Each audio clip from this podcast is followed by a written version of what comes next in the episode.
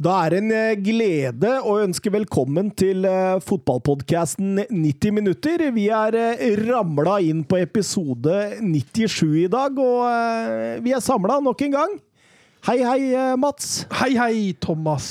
Hvordan går det med deg? Det går veldig bra. Nå er jeg skikkelig bitt av sjakkbasillen igjen, så nå spiller jeg fryktelig mye sjakk. Oi, er du god, da? Nei, det tror jeg ikke jeg skal påstå, men uh, at uh, Altså, det, det, som er litt kjipt, er i starten, for du starter alltid med en rating som er mye høyere enn det du er god nok for, da. Så du må tape en del i starten. Okay. Men når du først kommer ned på nivået ditt, så blir det veldig gøy. Mm, mm. Uh, også, men jeg merker at det har tatt litt over, for jeg blir veldig sur når jeg ikke vinner. Begynner å slå meg sjøl i huet og sånn. Og det, det er faretegn. Ja, det er ikke helt bra. Det er derfor jeg sier det har begynt å ta litt for mye tid, og litt for mye over livet mitt. Altså, men det er, det er litt spinnvilt, for du går faktisk og tenker gjennom sjakkpartiene mens du kjører bil og er ute og bare 'Hvorfor gjorde jeg ikke det?' Og det er blitt helt, helt dust. Og likevel så har du invitert mesterhjernen Søren Døpker til et slag. jeg har ikke invitert, det var han som sa det. Skal vi ta en runde? Jeg var veldig i tvil, egentlig. Men det var noe jeg burde sette Det ville jeg vært òg. Det er ikke noe særlig konge i sjakk heller, altså. Nei, men du er dobbelt så smart som både meg og Mats til sammen. det vil jeg aldri påstå. det er ikke noe særlig konge i sjakk. Det er et fint uttrykk å ha i sjakken, da. Ja, ikke konge i sjakk. Ja. Ikke konge i sjakk. Ja. Men jeg merker, jeg merker, det veldig jeg så på The Queen's Game. Altså, hvis, det, hvis det er sånn én ting jeg skulle ønske jeg virkelig var bedre i, da var det egentlig sjakk. For jeg synes egentlig Å kunne spille sjakk det er litt det er et kult å virkelig være god, men uh, ja, det har aldri blitt. Å kunne sjakk er ikke vanskelig. Det er jo det å faktisk vinne noen partier som er litt stress.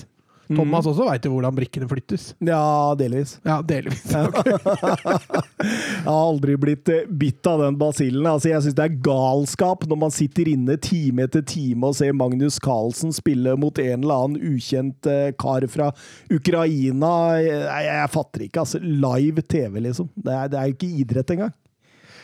Jeg, jeg, jeg syns det er fascinerende. Ja, jeg syns det. det. Jeg syns det. Uh, at det, det kan bli litt kjedelig, de der VM-partiene som tar eh, fire-fem timer. Det er jeg enig i. Det kan bli litt langtektig, men uh, allikevel fascinerende. Ja, men det er gøy når de bare har begrenset 10 eller 15 minutter. Ja, det er det jeg spiller på. Jeg spiller jo på fem ganger fem. Altså, du får fem, fem sekunder hver gang du gjør et trekk. Da.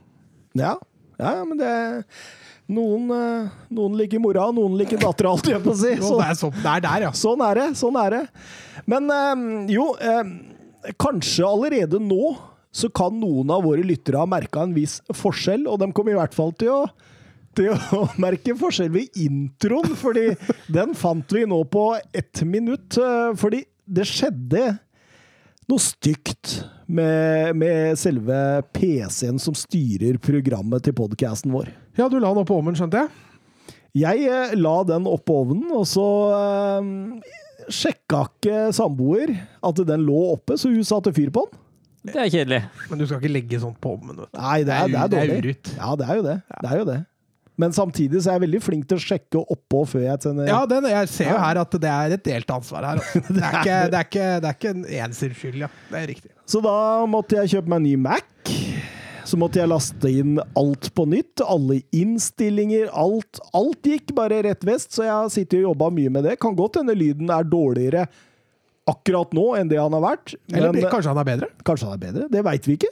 Ja. Intromusikken er definitivt uh, interessant. Den er interessant, men nå, nå, nå har vi kommet i kontakt med noen som kan hjelpe oss med en ordentlig intromusikk. Ja, det trenger vi. Det Det, er det, trenger vi. Men, eh, men for i dag, i hvert fall, Ja, det blir, Så blir det, midlertidig intro. vi, vi ber lytterne våre se på dette med, med godt humør. Ja, og humor. Ja. Eh, før vi begynner eh, ordentlig med programmet her, et par Twitter-meldinger. Jeg begynner med en fra Glenn Thon. Mats, kan du gi meg gangetabellen til én? Ja, det tror jeg faktisk. Det er vel 1, 2, 3, 4, 5, 6, 7, 8, 9, 10, er det ikke? Ja, det, det var ikke Jeg måtte dårlig. google for å dobbeltsjekke.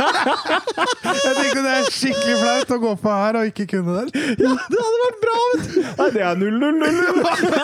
Eller 1, 1, 1, 1, 1. Eh, nei, men der sto det jo ti poeng, Mats. Eh, Søren, eh, kunne du tenkt deg Uros Rasic i Wolfsburg, siden du hyller hyller Hansson? Ja, med glede. Hvem er det han tar plassen til? Nei, nei vi, har jo, vi har jo mer enn nok sentral midtbanespiller nå. Jo, Så han er ikke god nok? Nei, vi Du har har jo jo vært så hylla han så fælt i Valencia. men- det var men to man- toppen i Spania! Det har jeg ikke. Årets lag. Jeg veit jo hvem du drafter først eh, Ja, det blir nok det blir Racic, definitivt. Men det blir jo det blir de samme gata som, eh, som Dimitrovic, som jeg har veldig sans for. Men uh, foretrekker fortsatt Castells. Ja, ja. Nei, men der, der fikk du den. Um, og, og Mats spør han igjen her. Har du fått mindre kappe på ryggen nå, siden du ikke endrer meninger så ofte? Vet du hva, når, jeg, når vi begynte den podkasten, så bestemte jeg jeg skal ikke være så påståelig. Jeg kan jo være fryktelig påståelig. Så tenkte jeg, det må jeg legge av meg. Men det endte jo opp med å vingle. Ja. Så jeg ser at det er ikke en god egenskap. Altså. Så jeg måtte skjerpe meg rundt Jeg husker ikke noen episode, men det er en stund siden. Så jeg føler jeg har blitt bedre. Du har det? Jeg har det. Ja, det er det, det, er det han mener òg. At Ja. du ikke vingler så mye som før. Selv om gjør, gjør som Edvardsen, gå ned med flagget til topps, men ikke gi deg. Fake it till you make it. Ja, det er sånn det er. Eh, vi har fått mange Twitter-spørsmål denne gang, eh, men vi fikk en veldig hyggelig en, Søren, fra Anders Hansen på Twitter. Ingen spørsmål. Jeg vil bare fortelle at Søren er en herlig kar og et nydelig tilskudd til mine ører hver onsdag. Når covid er over, vil jeg gjerne gi deg en god, varm klem. Er jo viktig å gi litt kjærlighet til folk med så mye hat. Ja, det er veldig, veldig viktig. Nei, men eh, En kjempekoselig koselig melding. Tusen, tusen takk for den. Du, du tar imot eh, den klemmen, Ja, jeg gjør det. Ja, ja. Selvfølgelig. Så, så, sånn er det. det så, sånne meldinger kunne ikke jeg og deg fått. Nei, nei, nei, nei, det tror ikke jeg heller. Altså, sånne varme klemmer, det er ikke, det er ikke vår greie, tror jeg. Hvis sånne barke, harde klemmer, det er vår greie. Ja, slå litt på ryggen og Ja, spytte litt, da. Em, Nei, Søren, du får bare hoppe rett ut i altså, disse ti forferdelige spørsmåla. Nei, det er Er det Mats. er det Det er Mats. Det er Mats. Er. Å, ja, ja. Ja, Dessverre, jeg ønsker jeg skulle ha dem. Ja, da, ja, men jeg taper jo bare hver gang nå. Ja, men er- nå har jeg kjøpt en premie som er som du også kan ha. Det er en Mars-bar med protein, Protein? som proteingreier, så jeg regner med det er veldig lite Hva heter det, hva heter det for noe? Du ikke har karbohydrater? Nei. Eh, Det er lite fett og Lite mye fett. protein. Ja, ja, ja. Ja. Så dette kan du også vinne, da. Og nyte. oi, oi, oi, oi. Jeg vet ikke om det går an å nyte dette. Jeg tror ikke det er noe godt. Men... eh, Samme det. Den var eh, til deg i mente, så jeg har litt troa i dag, altså. Deilig, deg, altså. deilig, deilig. Eh, Men vi begynner med oppvarming. Å nei. I dag er oppvarmingen eh, følgende tema. Eh, Min litt mindre kjente fotballbror. Jeg gir dere noen navn, og så forteller dere meg hvilken klubb han spiller i. Er du klar, Søren? Ja. Du begynner i dag. Hvor spiller Florentin Pogba? Oi, oi, oi. Uh, Stadren. Ja, du er inne i riktig land, men det er Sochaux Montbach. Er det riktig uttalt?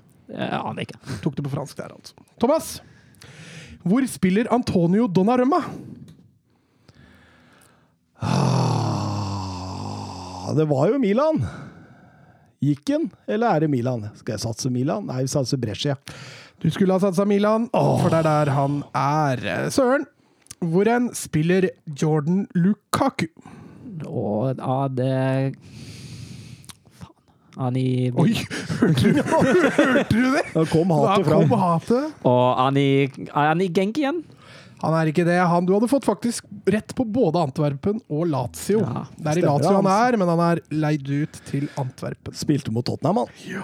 Thomas, hvor spiller Vanja Milenkovic-Savic? Vanja?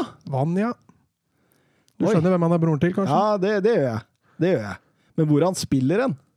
Dette trodde jeg faktisk du visste. Jeg var litt uh... Jeg gjør ikke det, altså. Jeg gjør ikke det, altså. Kanskje han har blitt med broren sin til Lazio? Nei. Nei. Han er i Torino. Du har snakka om han før. Ja, ja. Det har jeg helt sikkert gjort. Søren, hvor spiller Kylian Hazard? Oi. Du kunne ikke spørre om Torgan, du. Nei, det hadde blitt litt lett. Det er, det er, det. Uh, Kilian uh, Tror han er i Frankrike. Jeg går for Stadren igjen, jeg. Nei, Serkel Brugge. Oh, han er men han er Han var jo Chelsea. Så han har vært et stort talent. Thomas, da har siste mulighet til å få poeng. Hvor spiller Rani Kedira? Rani Kedira, ja. Han spiller jo i Han spiller jo i Han har jo nettopp sett. Har du nettopp sett den? Ja, nettopp sett den, men hvor er jeg så han, da?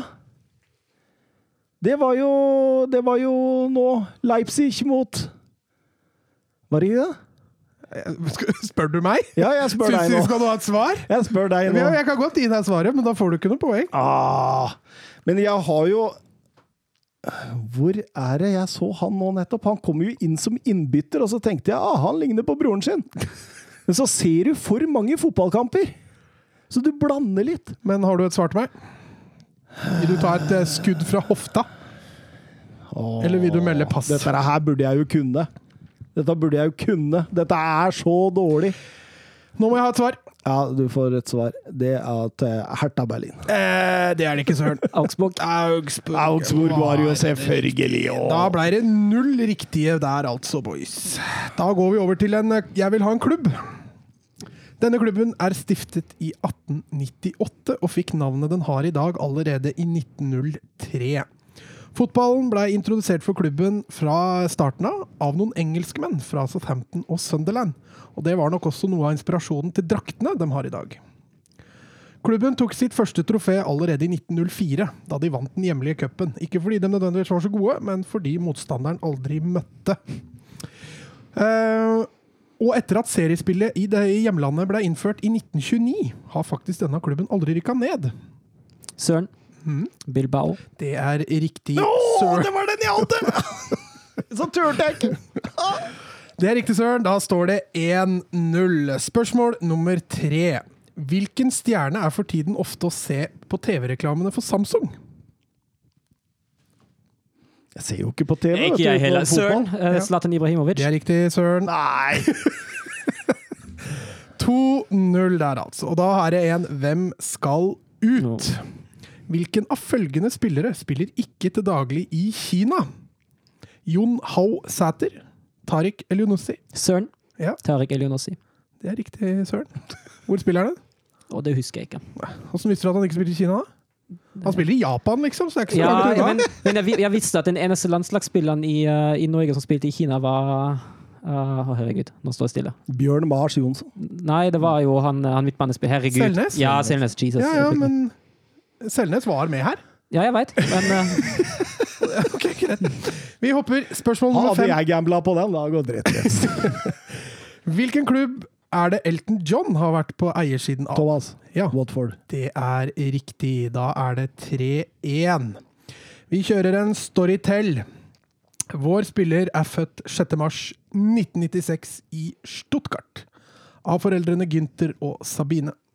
Han startet fotballkarrieren som femåring for klubben Stein Haldenfeld, men fikk som seksåring plass på Stuttgart sitt akademi. Vår mann tok uh, store steg i akademiet, og i 2012 ble han flyttet opp til U19-laget som 16-åring. Han skåra 24 mål den sesongen. Ja, Hva tipper jeg, ass? Fordi dette tar jo søren etter hvert. Timo Werner. det er riktig, Thomas. Da er det 3-2, og da skal vi ha en spiller. Jeg leser klubbene i stigende rekkefølge. Aachen, Schalke 04, Bochum på lån, Mainz på lån, Tottenham. Søl. Louis Holtby. Det er riktig, søl. Det er sterk, Petter. Den er sterk. Den Da er det 4-2. Det er fortsatt tre spørsmål igjen, så det er ikke avgjort. Sam Allardyce, VBAs redningsmann eh, i hvert fall, forsøksvis, ble som kjent sparket fra England-jobben etter kort tid i 2016. Og etter det har det nok vært vanskelig for han å få jobb. Kan dere nevne én av klubbene han har trent etter at han mista England-jobben, bortsett fra WBA? Oi. Åh. Det er to klubber. Ja, ja, ja. Han var jo i Ja, Thomas, selvfølgelig. Everton. Det er riktig. Crystal Palace og Everton. Da er det 4-3. To spørsmål igjen. Og de to spørsmålene som er igjen nå, det er eh, til hyllest til Champions League, som begynner nå eh, Eller begynner nå, som avsluttes. Starter med avslutninga nå. Så første, spørsmål ni er historietimen. Marseille vant den første utgaven av Champions League i 92-93. Hvem slo de i finalen? Thomas. Søren. Thomas? AC Milan. Det er riktig. Da er det 4-4, så da blir det en avgjørende én her nå. Jeg har ikke noe ekstra spørsmål, så, men det gjør ikke noe, for det blir avgjort her. Dette er en annenhver gang. Ja. Derfor blir det avgjort her nå. Det er lurt å ta til slutt! den er fin å ha til slutt, i hvert fall hvis det er uavgjort. Dette er en all time goalscorer i Champions League. Altså fra, Ja. altså fra 92-93-sesongen da, så har jeg nå de 15 spillere med flest mål Ja. i Champions League. Søren, jeg starta Cristiano Ronaldo. Det er nummer én. Lionel Messi. Han er nummer to. Robert Lewandowski. Han er nummer fire.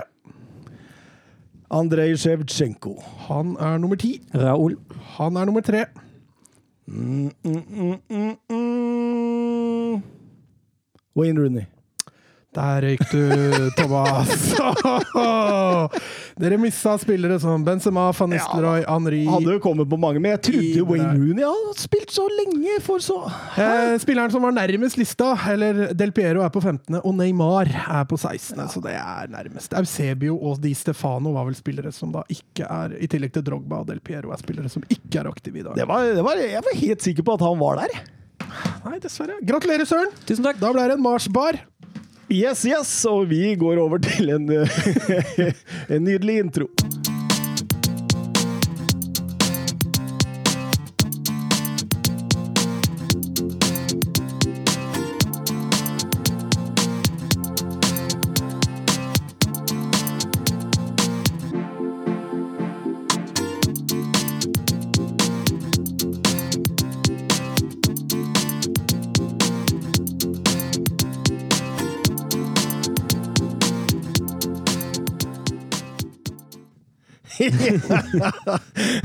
da var Det er fint. Jeg syns kanskje vi skal ha den fast, faktisk. At vi kan bare beholde, bare kan beholde det. det, det der, der! Det var spenstige greier. er. Det var noe Søren fant på telefonen sin eh, to minutter før vi gikk på her. Det, det, ja, det er en liten variasjon der.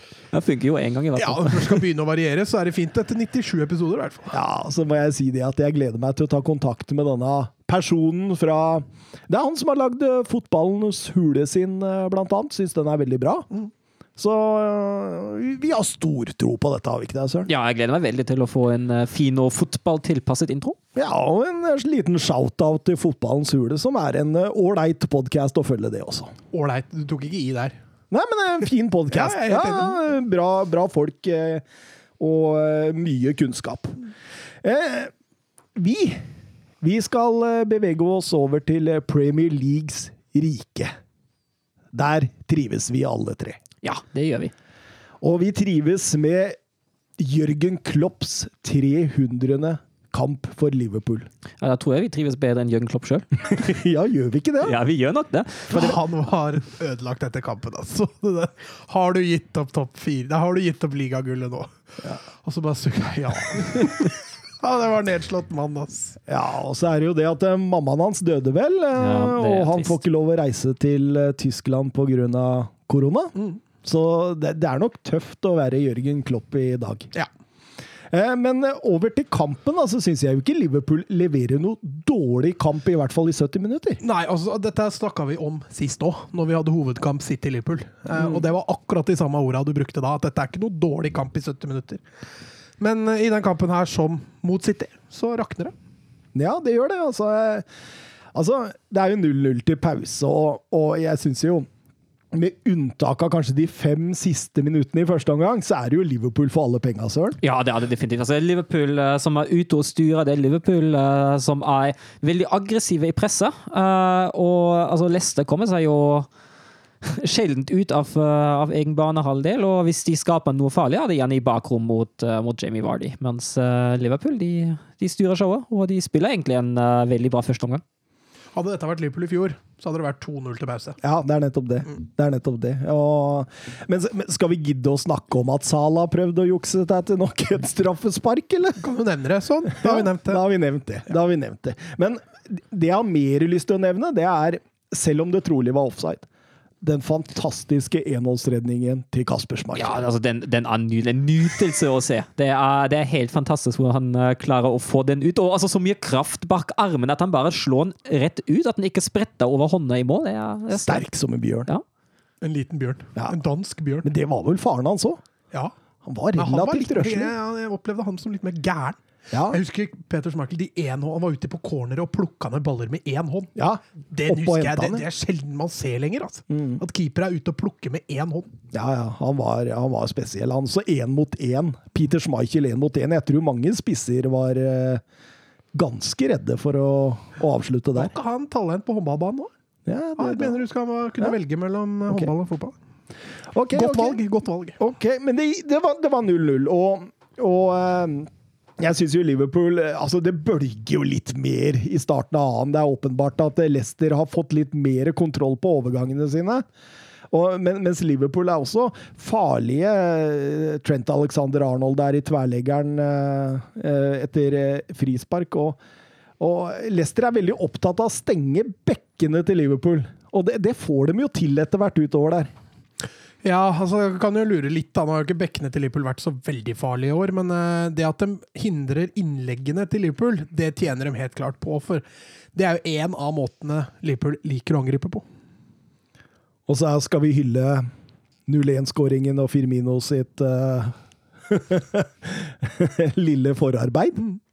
Hyll, hyll. Det er fantastisk. Det er nydelig. Ja. Det er litt sånn gamle Firmino-typ. Eh, Det har vært så rart, for vi har hylla Firmino og sagt nå, nå, det der er den vi husker. Og så har han to kamper hvor han er helt borte igjen.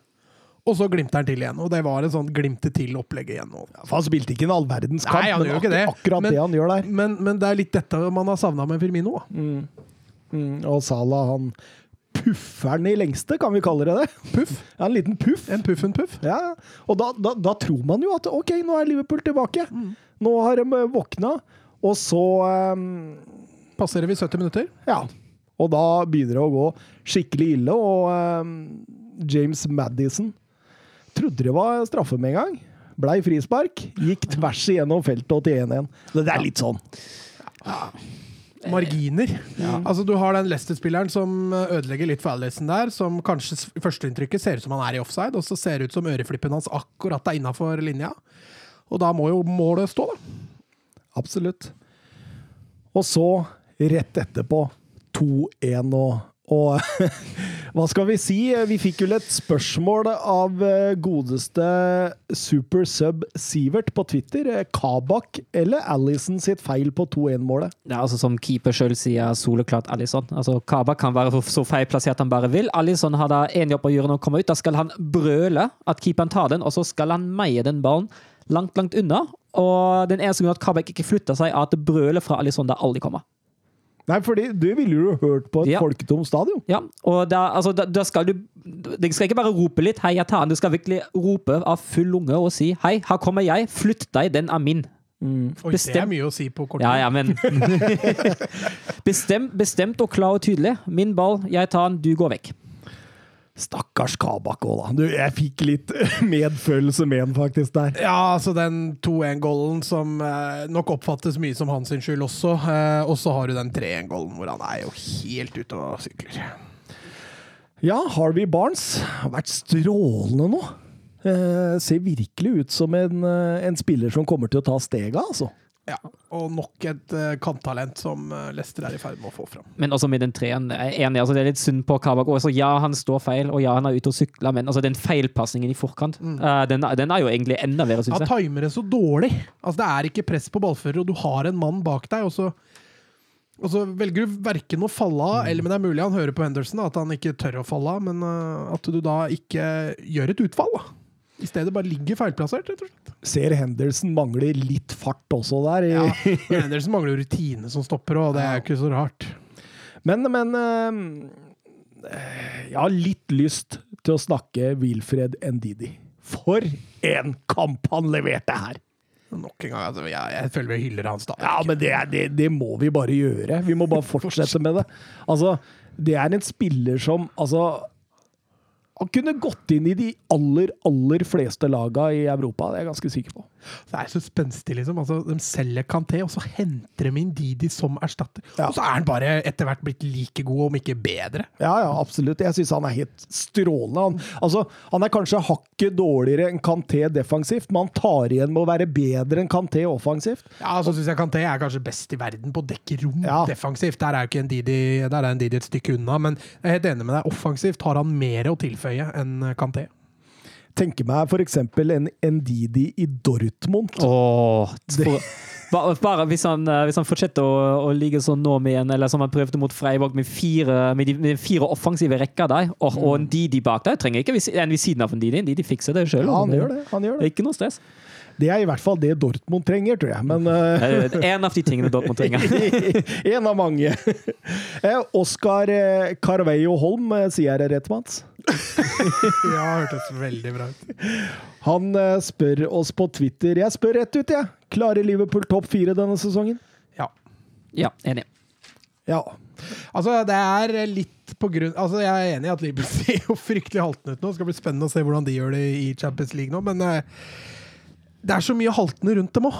Altså, Leicester går på smeller, United går på smeller. Chelsea, ja, etter at Tuchel kom, har det jo ikke blitt så mye smeller, men jeg, Det er en kokosesong. Ja, det er bare City som er jevne. Uh, sånn at uh, City klarer det også på bekostning av at de andre lagene ikke er der det normalt sett ville vært. da. Men hvem fire tipper du som topp fire nå? Sa jeg ikke det siste? Chelsea, Liverpool, United, City. United på fjerde, da, eller? Du og United. Nei, da Jeg ble litt bekymra to siste kampene til United nå, så det kan godt hende at de uh, detter ned helt ned til fjerde. Altså. Men det skal, jeg skal ikke kimse av Leicester. Det er ikke utenkelig at de uh, også kan, kan klare det. altså. Ja, det er grusomt avhengig av et par nøkkelspillere. Ja, det er det. Altså, En Didi ute nå to måneder, så blir det plutselig tøffere med en gang. Og var det det samme, kan du også si. Ja. Men de begynner å få et problem på stopperen. Et luksusproblem.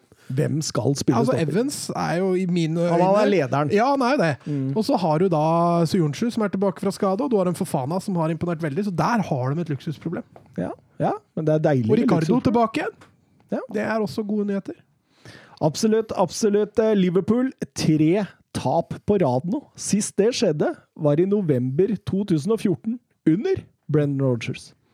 Så det er en stykke siden. Og så kan man ta med også det at eh, Jamie Wardy han, det var hans eh, åttende mål mot Liverpool. Vet du hva? Hvilke tre lag Jamie Wardy har skåret mest mot i Premier League? United, Liverpool og City. Ja, det er ja, Arsenal. Ja. Arsenal, Liverpool og City. Okay. Arsenal har en 11, og City og Liverpool 8. Det sier litt om spilletypen òg, ikke? At der får du rom, så der, eh, der kan man kjøre. Eh, Vi går over til eh, hovedkampen vår. Jeg har ikke gleda meg voldsomt til å snakke om den sjøl, men, men, men ja, vi kan bare begynne. Vi begynner. Guardiola mot Mourinho. De har hatt noen feider opp gjennom tida, Nå er de venner. Ja, Ja, nå har Mourinho sagt at Guardiola ringte han når eh, faren hans døde, og så ringte Mourinho når mora til Guardiola Så vi visstnok fått respekt for hverandre nå. Ja, du så jo før kampen og etter kampen. Mourinho sto og venta på Guardiola ved tunnelen. Eh, En. ja. Eh, Tottenham og City har også hatt noen feider de siste tida. Man husker jo selvfølgelig den dramatiske kvartfinalen i Champions League. Eh, på de siste 24 kampene så har det endt med 14 City-seire og 7 Tottenham-seire, men Spurs er ubeseira mot City de tre siste oppgjørene. Eh, motsatt oppgjør denne sesongen endte 1-0 til Tottenham 21.11., og det er vel siste gang Manchester City har tapt. Eh, og eh, tilsvarende oppgjør sist sesong endte 2-2.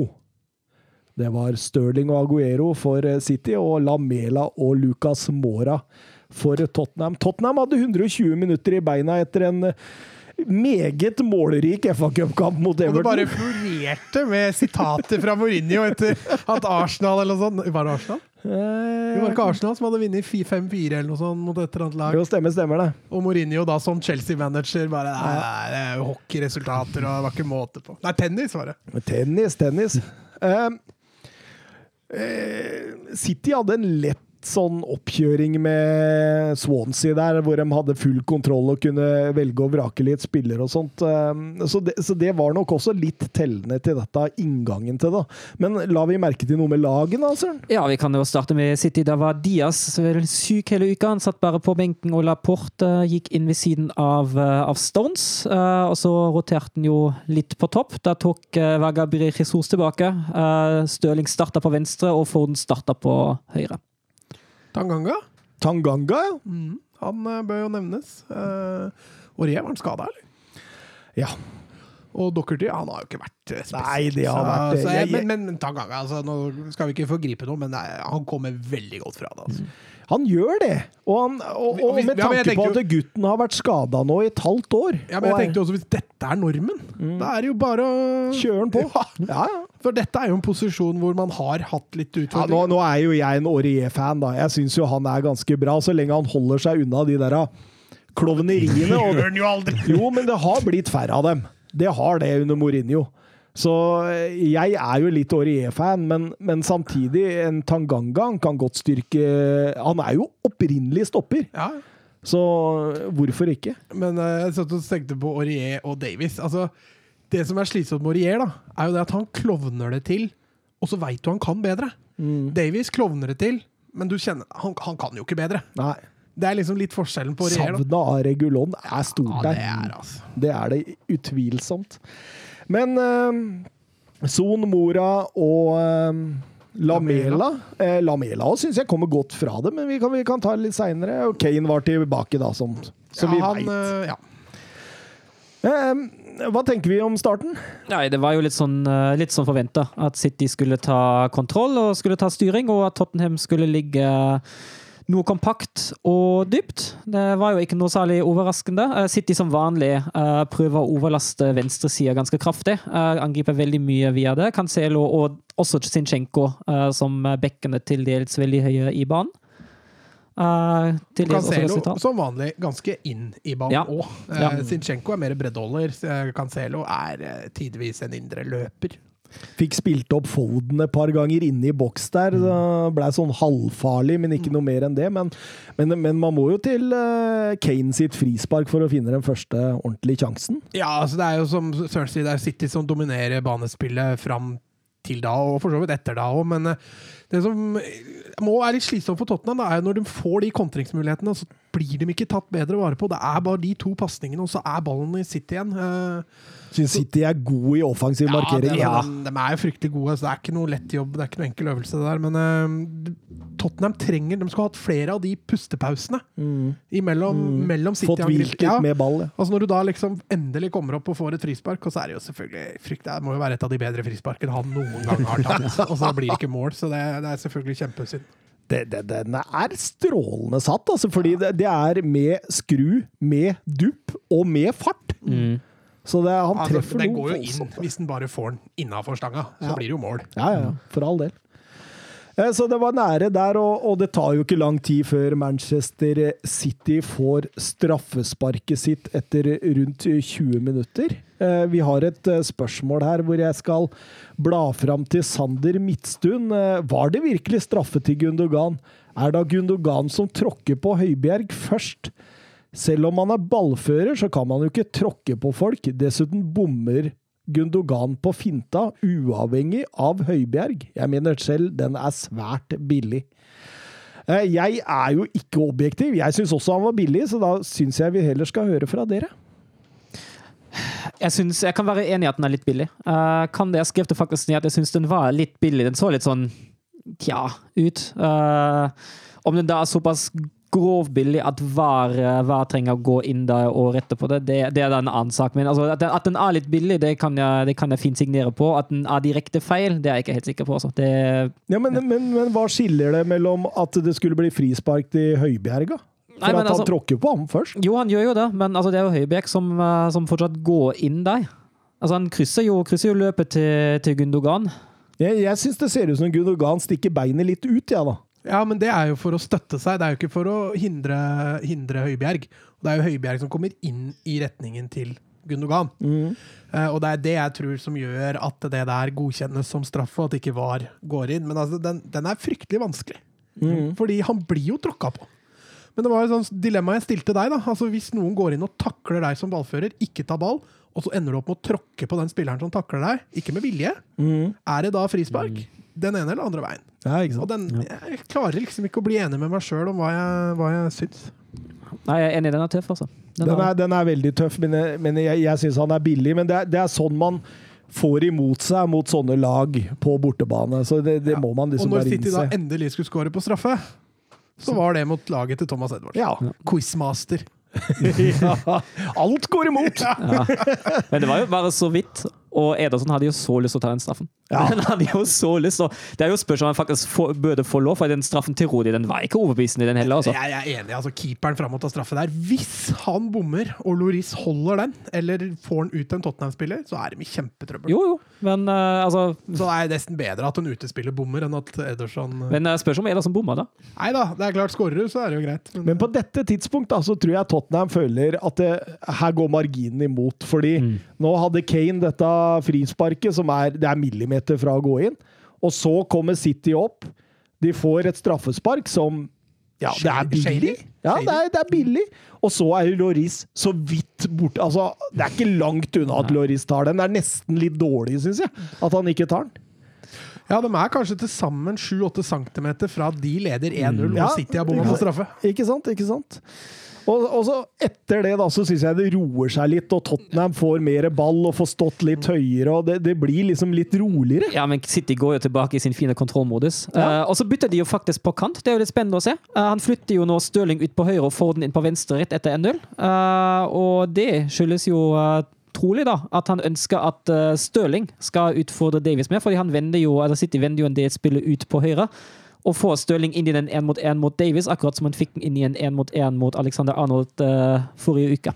Men, men der er City blitt fryktelig gode. Altså. Den der kontrollerende når de ligger i ramma, ja, der er de blitt grusomt gode. Og det det er et aspekt vi ikke har sett så mye av Guardiola før. Altså. At han skulle klare å få til det på Kan kalle det relativt kort tid, for jeg tror ikke dette er noe han begynte med Dreiv med i fjor. Jeg tror dette er noe som man har begynt med nå i sommer. Og etter 40 minutter så er det jo fortsatt kun ett skudd på mål eh, for City og ett for Tottenham. eh, Med Kane og med straffesparket. Så det er, det er jo ikke voldsomt mye som går på keepere her, Søren. Nei, det er det ikke. Det er jo ja, Citys, eh, Citys nye styrke, som uh, Mats sier. Eh, City får en dobbeltsjanse etter 41 der, hvor Stirling eh, fosser nedover høyre. Bruker vel Davies egentlig som en rundingsbøye, og 45 ut til Gundo. Det ser gammel ut. Ja, der ser, der ser, eh, Men det, det, det har alltid vært en forskjell på fart mellom Stirling og, og Ben Davies. Ja, mellom Stirling og mange andre. Det er ikke bare Davies som blitt arrestert der, men han ser så klønete ut. Han prøver å få tak i noe, det klarer han ikke heller, da. Og da blir du sittende sånn Ja. Og der skulle Regulon vært! Da hadde Stirling fått litt annet å bite i, altså. Nei, det er sant. Nei, og, det, og når Davies blir unna der, så er det jo allerede da en kjempesjanse. Det er det. Sanchez blokkerer bra der. Ja. Og Jeg syns generelt Sanchez fram til 3-0 gjorde en, uh, gjorde en ålreit kamp i mitt forsvar. Der kastet seg inn i, seg inn i en del. Og, Blokke litt, ja. ja, jeg syns det. Jeg syns det, jeg syns det, var- det var helt godkjent, altså. Mm, absolutt. Eh, men Ebberut ebber ut med 1-0, og, og, og som Tottenham-supporter da, så sitter du ikke og føler at eh, dette er kjørt. Og det, det kan du jo gjøre mot et sånt lag som Manchester City, men du følte liksom at ok, her kan man få en overgang eller to, her kan man stå litt høyere og prøve å presse dem. og og eh, ja, det var, det var ikke så gærent, det her.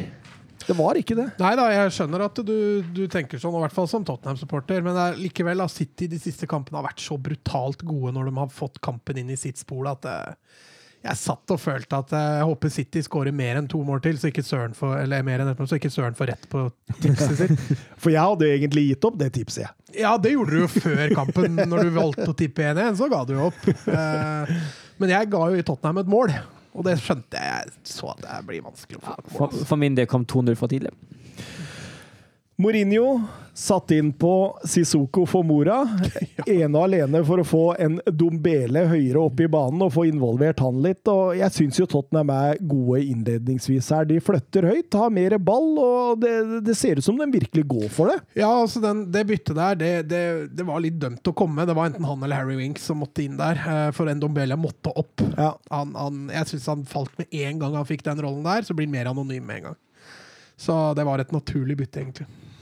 Og i denne gode perioden da, så får City selvfølgelig 2-0, og det er kanskje formspiller nummer én i Europa, går det an å si det? Det går an å si. Det jo, nå så jeg en, eh, en liste nå rett før, rett før vi starta med topp målskårer i år 2021 i store ligaen i Europa. Og da er Gundogan på delt førsteplass. Kan dere gjette med hvem?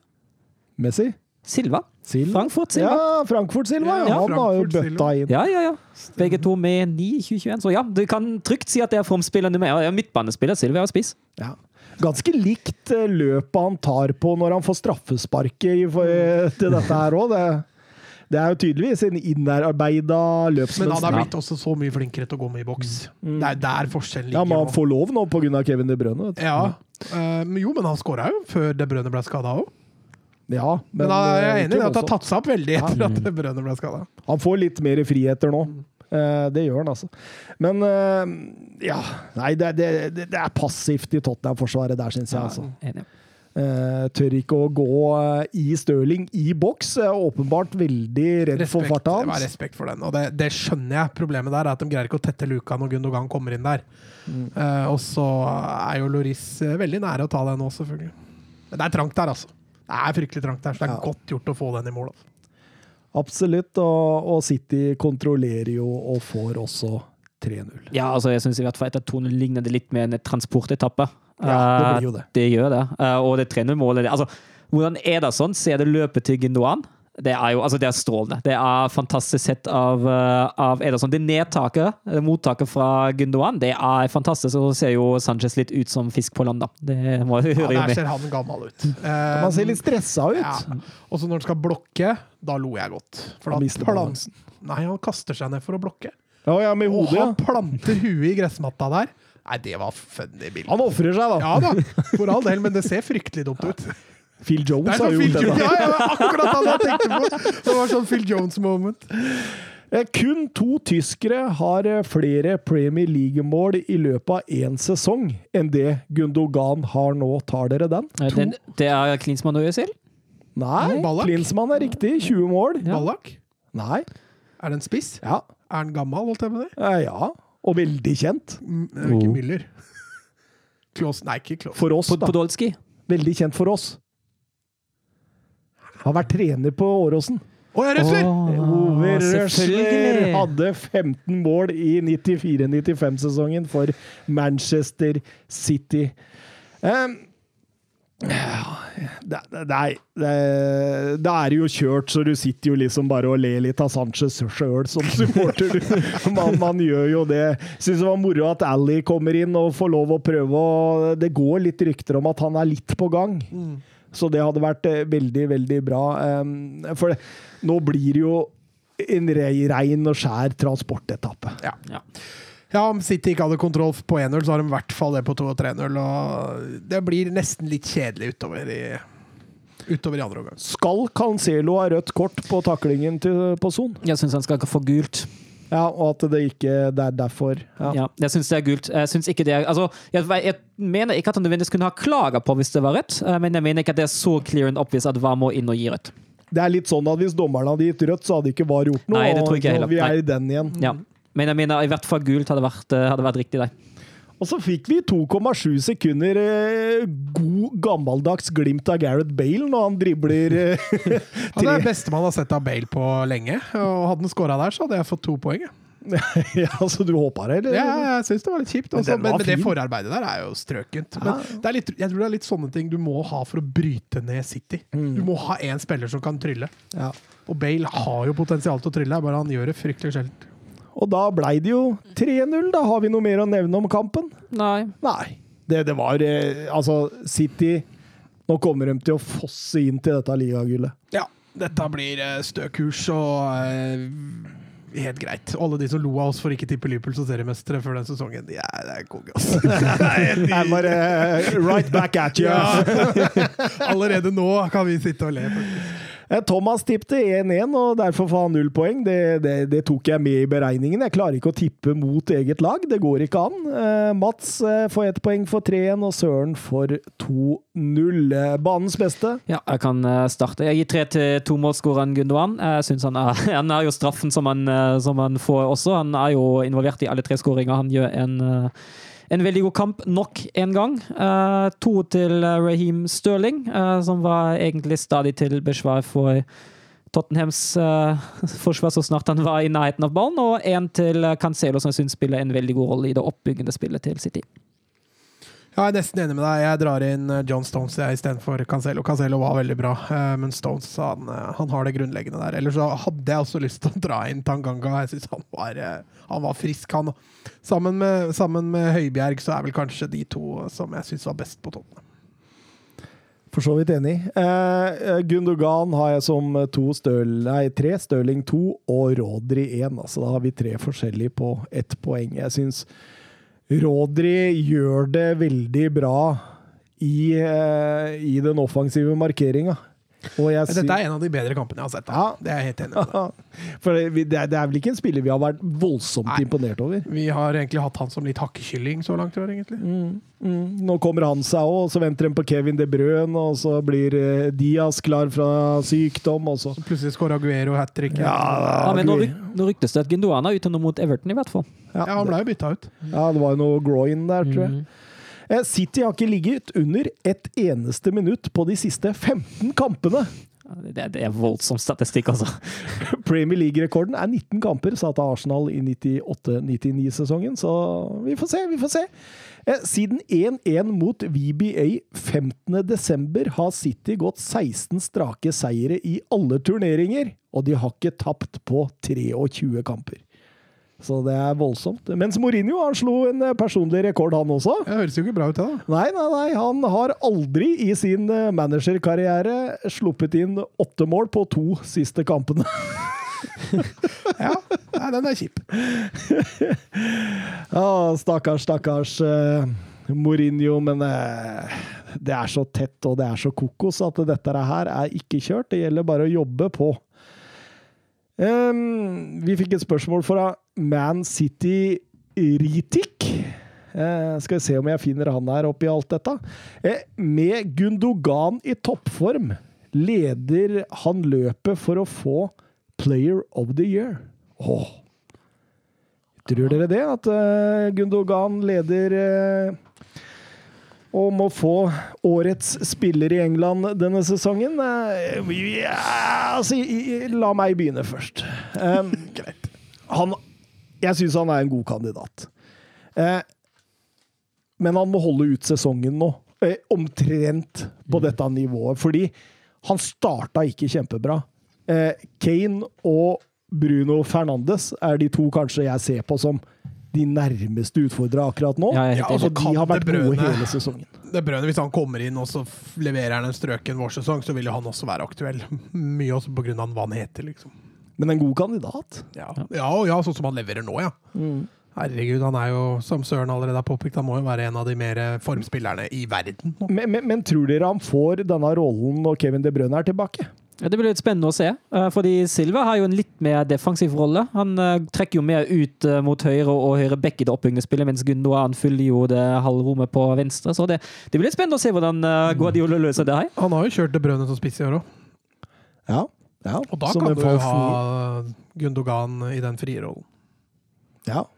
Men da, da blir ikke Kevin De Bruyne best. Han er jo best når han får eh, på en måte trekke ut på høyrekanten der og, og Krosse. Ja, Så spørsmålet er jo også hvordan blir Cancelos rolle framover når Kevin De Bruyne er tilbake? Oi, dette blir kjedereaksjon. Ja, så, så det, det blir veldig spennende å se hvordan han løser dette. Men, men at Gundogan er en kandidat sånn som han gjør det nå, det er jo utvilsomt. Eh, West Bromwich Albion, Manchester United.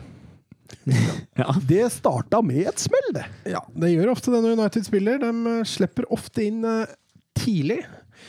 For så å komme tilbake. De eh, starta i samme, samme oppskrifta nå. Ja, for hva skjedde, Mats? Eh, Diagné går opp på et innlegg fra Conrad Gallagher. Eh, og så, ja, den duellen der kan vi godt diskutere litt, men han er jo råsterk, det skal han jaggu ha. Men han får jo en stor fordel da, når han eh, planter eh, armen i øya på, eh, på Lindeløv der. I øya, ja. Ja, han holder den jo for øya! Han gjør det. ja. Han holder den for øya, men han planter dem ikke i øya. Han, han, han hopper jo foran den for å nå den i forkant av Ja, og, så, så- og så skyver han litt på den i det han Altså, jeg, gjør. der. jeg også ser det at det er ikke en bevisst handling uh, å ta den der, men, men når du som forsvarsspiller skal opp og heade en ball, og så kommer det noen og holder deg for øya, da er du allerede litt i trøbbel, altså. Vi fikk et Twitter-spørsmål fra Vandal. Vandal Å ja, nå skjønte jeg den! Vandal! Altså med vandalisme. Ja, va, ja for han heter Vandal. Ja. Men Vandal, nå skjønte jeg. Ja, okay. ok. Jeg trodde han het Vann til fornavn og Dahl til etternavn. Ja. Dette var artig. Diagne er eh, vel røff mot Lindeløv der. Hvorfor tar man ikke den, sier han. Ja, du kan lure. Jeg også trodde at den kom til å gå til VAR, og at dommeren måtte ut og titte på skjerm. Det var det jeg trodde kom til å bli utfallet når jeg så den eh, igjen. Eh, For det er ingen tvil om at Lindeløf får en eh, Han får en mye vanskeligere oppgave der når han får de fingra i øya. Og jeg mener han blir åpenbart hindra. Ja, jeg, jeg skjønner ikke helt hvorfor han ikke i hvert fall går på skjerm. fordi selv om han går på skjerm, kan jo fortsatt bestemme seg nei, det var greit likevel. Altså, det, er ikke, det at han går på skjerm, betyr ikke nødvendigvis at han må blåse, blåse den ene eller andre veien. Det, det er jo bare for å gi ham bedre oversikt over situasjonen. Men så morsomt for kampen, da! Ja, veldig gøy! For all del. Ja. Dette var jo kjempegøy for kampen! Det var normalt, det. Nå har United snudd seks eller sju kamper i år på bortebane, så man begynte jo som man pleide der. Så tenkte man, når eh, VBA la seg sånn kompakt i 5-4-1 der, så tenkte man nå skal United få testa seg mot etablert her. Nå skal, de få, nå skal vi se hvor langt det har kommet. Og, og det stagger jo egentlig litt. Ja, det gjør det. Og altså, jeg blir litt skuffa over salig de tre offensive, kanskje til og med inkludert Bruno Fernandes. fordi Altså, De spiller jo en god del støttepassinger. Det blir veldig lite utfordringer. Eh, Når de først kommer seg i en god posisjon der de har litt rom åpent, så tar de gjerne det feile valget. Ta, ekstra, ta en ekstra touch, spille til feil spiller, ikke til, eh, til eventuelt en Wanbisaka eller en Shaw som går på løp, men spiller den tilbake sentralt i banen for å bygge opp på nytt. Og Det er litt frustrerende å se på, selv om man ikke heier på det laget, men det hindrer jo litt god offensiv fotball. Jeg, jeg, jeg syns åpenbart så var de veldig Veldig eh, på en måte altså frustrerte. For den skulle jo åpenbart sette et høyt press. Men det klarte de jo ikke, for ballen gikk jo tilbake til Johnstone Johnston med en gang, og han pola eh, 144 meter framover. Og, og, og sånn gikk det jo. altså De prøvde jo ikke i det hele tatt å spille seg ut bakfra. Med en gang de fikk litt press på seg, så var ballen tilbake til keeper, og keeper over. Og, og hvordan skal man, hvis man eh, Jeg tenkte spørsmål til deg, Mats, du som er en taktiker av rang. Hvordan skal man forsvare seg, eh, på en måte, eller eh, på en måte eh, ta initiativet i kampen eh, mot et sånt lag, hvor du aldri får satt inn et høyt press, og du alltid må bak og ta duellene? Ja, altså Nå følte jeg at United hadde grei kontroll, fordi de lange polerne endte jo alltid opp hos en av United-stoppera. Så utfordringen her for United var jo å kjøre gode, etablerte angrep. Eh, og um, du kan jo si sånn at West Brom forsvarte seg bra, men det er litt som Søren etterlyser. Da. Altså, du, må, du, du er nødt til å ha større bevegelser når motstanderne ligger lavt. Du er nødt til å ha flere bevegelser, og når du bestemmer deg for å kjøre gjennombrudd, så må du ha et høyt balltempo. Eller så blir det bare staggende og staggende og staggende. Og mm, jeg tror nok United var litt frustrerte tidlig der, ja. Og så tror jeg kampplanen var ikke å slippe inn mål etter to minutter. vet du. Martial er god, ass. Nei, altså Jeg skjønner ikke hvorfor han fikk prøve seg igjen. ass. Nei, har jo det er Greenwood ganske- begynt å røre på seg litt igjen etter at han har vært svak. eh, Og og Martial er åpenbart i en skikkelig formdupp. Eh, Men eh, nydelig mål når United endelig får 1-1 rett før pause der. Ja, det er herlig. Og så måtte det selvfølgelig komme via Luke Shaw. Ja, det er bra. Fjerde assisten nå denne måneden. Ja, altså er han et sånt aktivum. Altså Får så litt fram, for det, det skjer ofte noe. Han har gode innlegg. Han er faktisk god én mot én. Uh, den eneste han sliter med å skape relasjoner med, er Martial. altså. Og så dytter du Martial ut på venstre. Uh, igjen da, så hemmer du en, uh, en bra spiller. Men innlegget der, og ikke minst avslutninga til Fernandes, er strøken. Jeg tror han treffer på leggen, faktisk. Ja, ja. Eh, Henrik spør oss på Twitter Bruno Fernandes skårer igjen. Har han vært den beste spilleren i Premier League denne sesongen? Vi har vært litt inne på det. Eh, Kane gir ham jo god konkurranse, og Gundogan nå i det siste. Jeg syns absolutt at Bruno Fernandes har ligget i det absolutte toppsjiktet i Premier League denne sesongen. Definitivt topp tre, tre, topp tre, minst. Topp tre, i hvert fall. ja. Og så er det veldig vanskelig å skille. Men det som Bruno Fernandes skal ha, er at han har jo ikke vært skada. Han spiller veldig mange kamper. Eh, litt opp og ned på prestasjoner, selvfølgelig, men, men han har et stabilt høyt nivå generelt sett, og til å spille så mye kamper som han gjør, faktisk. Og hvis han er borte fra en kamp, så skal du takke faen for at han kommer til å avgjøre det for det. Fordi han er litt sånn at selv om han spiller så... Oh, ja, sånn, ja, hvis han er borte. Jeg trodde hvis han var skada. Nei, nei, men, nei. Da, Men, men, men, hvis han er Ja, men det er jo litt sånn som Ja. mot VBA nå. Ja, Han er jo ikke spesielt god, men han får jo målet. Han er totalt Jeg ble litt avgjørende. overraska på det frisparket, at han ikke skøyt sjøl Mm. når de hadde, men han valgte å legge inn. Så ser du at han brenner for dette. Han er interessert. Han, det, det, det, er noe. vi- vinnerskalle ikke sant, som driver laget framover her. Men eh, han har skåret nå 22 mål og hatt 16 assist på sine 38 første Premier League-kamper. Det er ville, ville, ville tall. Ja, han har vel det høyeste i målpoengsnittet. Det er kun Andy Cole som har bedre eh, poengsnitt. De 38 første for Manchester United. Vet du hva han hadde, eller? Nei. 33 mål og 13 assist. Å, herregud. På de. Var Andy Cole større enn jeg husker, tenkte jeg nå. Men han var jo målskårer, husker jeg. Han hadde over, en, han hadde over 40 mål for Newcastle, blant annet. Ja, men han husker jeg, han tok jo også Premier League med storm, husker jeg. Han gikk vel inn, det var, i Newcastle han slo gjennom? Var det, Ja, ja. han kom jo inn der og bare bøtta inn mål fra starten av, jeg. tror han eh, starta Jeg tror han egentlig er Arsenal-gutt. eh, Andy Cole. Ja. Sånn fra, fra barnsbunna. Eh, men ja. Eh, jeg synes I annen omgang der så syns jeg VBA er flinke til å stykke opp kampen.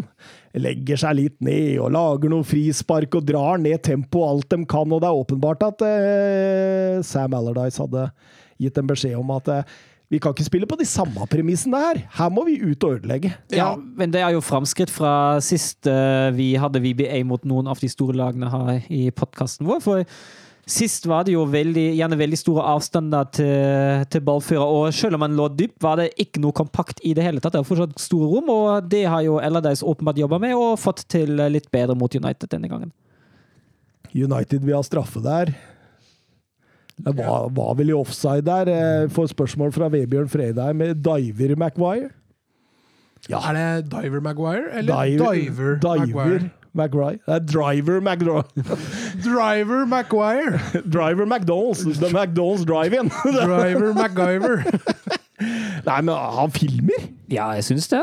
I beste fall så legger han seg i hvert fall fryktelig lett. Det er jo kontakt der, men det er, det er, Ja, Man filmer jo litt seinere i kampen er òg. like greit at det der ikke ble straffe. Eh, Men det hadde jo blitt offside, tror jeg. Ja, men det er jo så rart at de tar ham på, på kontakten, altså at det ikke er foul, at- istedenfor at de ser på offside. Jeg syns det er rart. Men men altså, greit nok. Men det er jo bare kvarter etterpå, så er jo eh, han eh, Diagne gjennom eh, der eh, sammen med og da diver han jo da òg. For å prøve Da, å få da fikk han ikke frispark. Nei, nei, nei. Det var jo, det var jo enorm sjanse til VBA. Ja. Eh, så, så åpenbart at han har sett litt på Salah i det siste. Altså. Kanskje vi skulle hatt den inne i Hollywood Eleven? Ja, hvem, hvem, mot Ramos, eller? Er Nei. Fostervoll. Fostervoll. Ja. Har blitt et mer komplett stoppepar, faktisk. men men, men jeg, jeg syns ikke United er bra i annen omgang. Nei. Nei, de sliter med å, å sette et Altså, de, de får ikke det vedvarende trykket heller, hvor de produserer litt store sjanser og situasjoner rundt 16-meteren. Og som du sier, jeg syns VBA egentlig gjør en veldig helproff kamp med tanke på motstanderen de møter. Så så, så, så, så jeg jeg tenkte på når Donny van de Beek kom inn, så Å ja, det var han, ja! Glemmer det litt. Men også, sånn, jeg lurer på hva han tenker liksom, når, de, når han får ti minutter på slutten av denne kampen. fordi hadde jo ikke behøvd både Fred og McTominay her. Han kunne ha kjørt Donny van de Beek inn og sagt 'løp inn i boks' mye, mye tidligere. Ja. Eh, åpenbart at eh, Solskjær ikke eh, Jeg tror ikke van de Beek var Solskjær-kjøpet. Nei, det kan jo ikke virke Jeg sånn. tviler på det. Det var en spiller de ikke egentlig hadde noe særlig behov for. Mm. Verken spillertypen eller posisjonen. I podkasten her så blir hun kalt den nye Davy Clasen, så vi får se. Donny van de Clasen?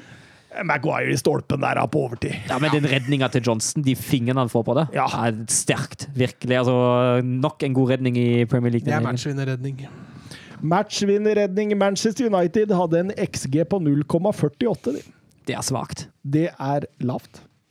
Det er den laveste en VBA-motstander har hatt i Premier League siden Everton hadde det i 2017. Wow. Da hadde de eh, 0,46. Men da har vel ikke VBA spilt imellom de to åra der, da. Den var vel der i 2017, og så ja, stemmer. Og så var de ned i to år, og så var de opp igjen nå. Men det er jo Det er fortsatt skremmende med Ja, det- det er det- United ja, ja. som jager uh, i gåseøynene en tittel. Arsenal Leeds, Ja. eh, Ødegaard inn. Ødegaard inn, og jeg syns jo de Ble en banens beste? Jeg så ikke, så ikke. Jeg synes jo de første 50 minuttene De kan, eh, kan alle lage Premier League klippe ut, henge på veggen og vise hei, sånn spiller man mot Leeds United. Ja, ja, men det tror jeg de beste topplagene kan. Jo, for all del. Men, Leeds, mye poeng har de tatt mot topplaget i år, da? Men nå skal det sies at Leeds sleit med intensiteten i denne kampen. Altså. Det, er, det, det var ikke et li... Altså, Arsenal fikk bedre Forhold, eh, forhold enn det veldig mange andre har fått mot Leeds. Mm.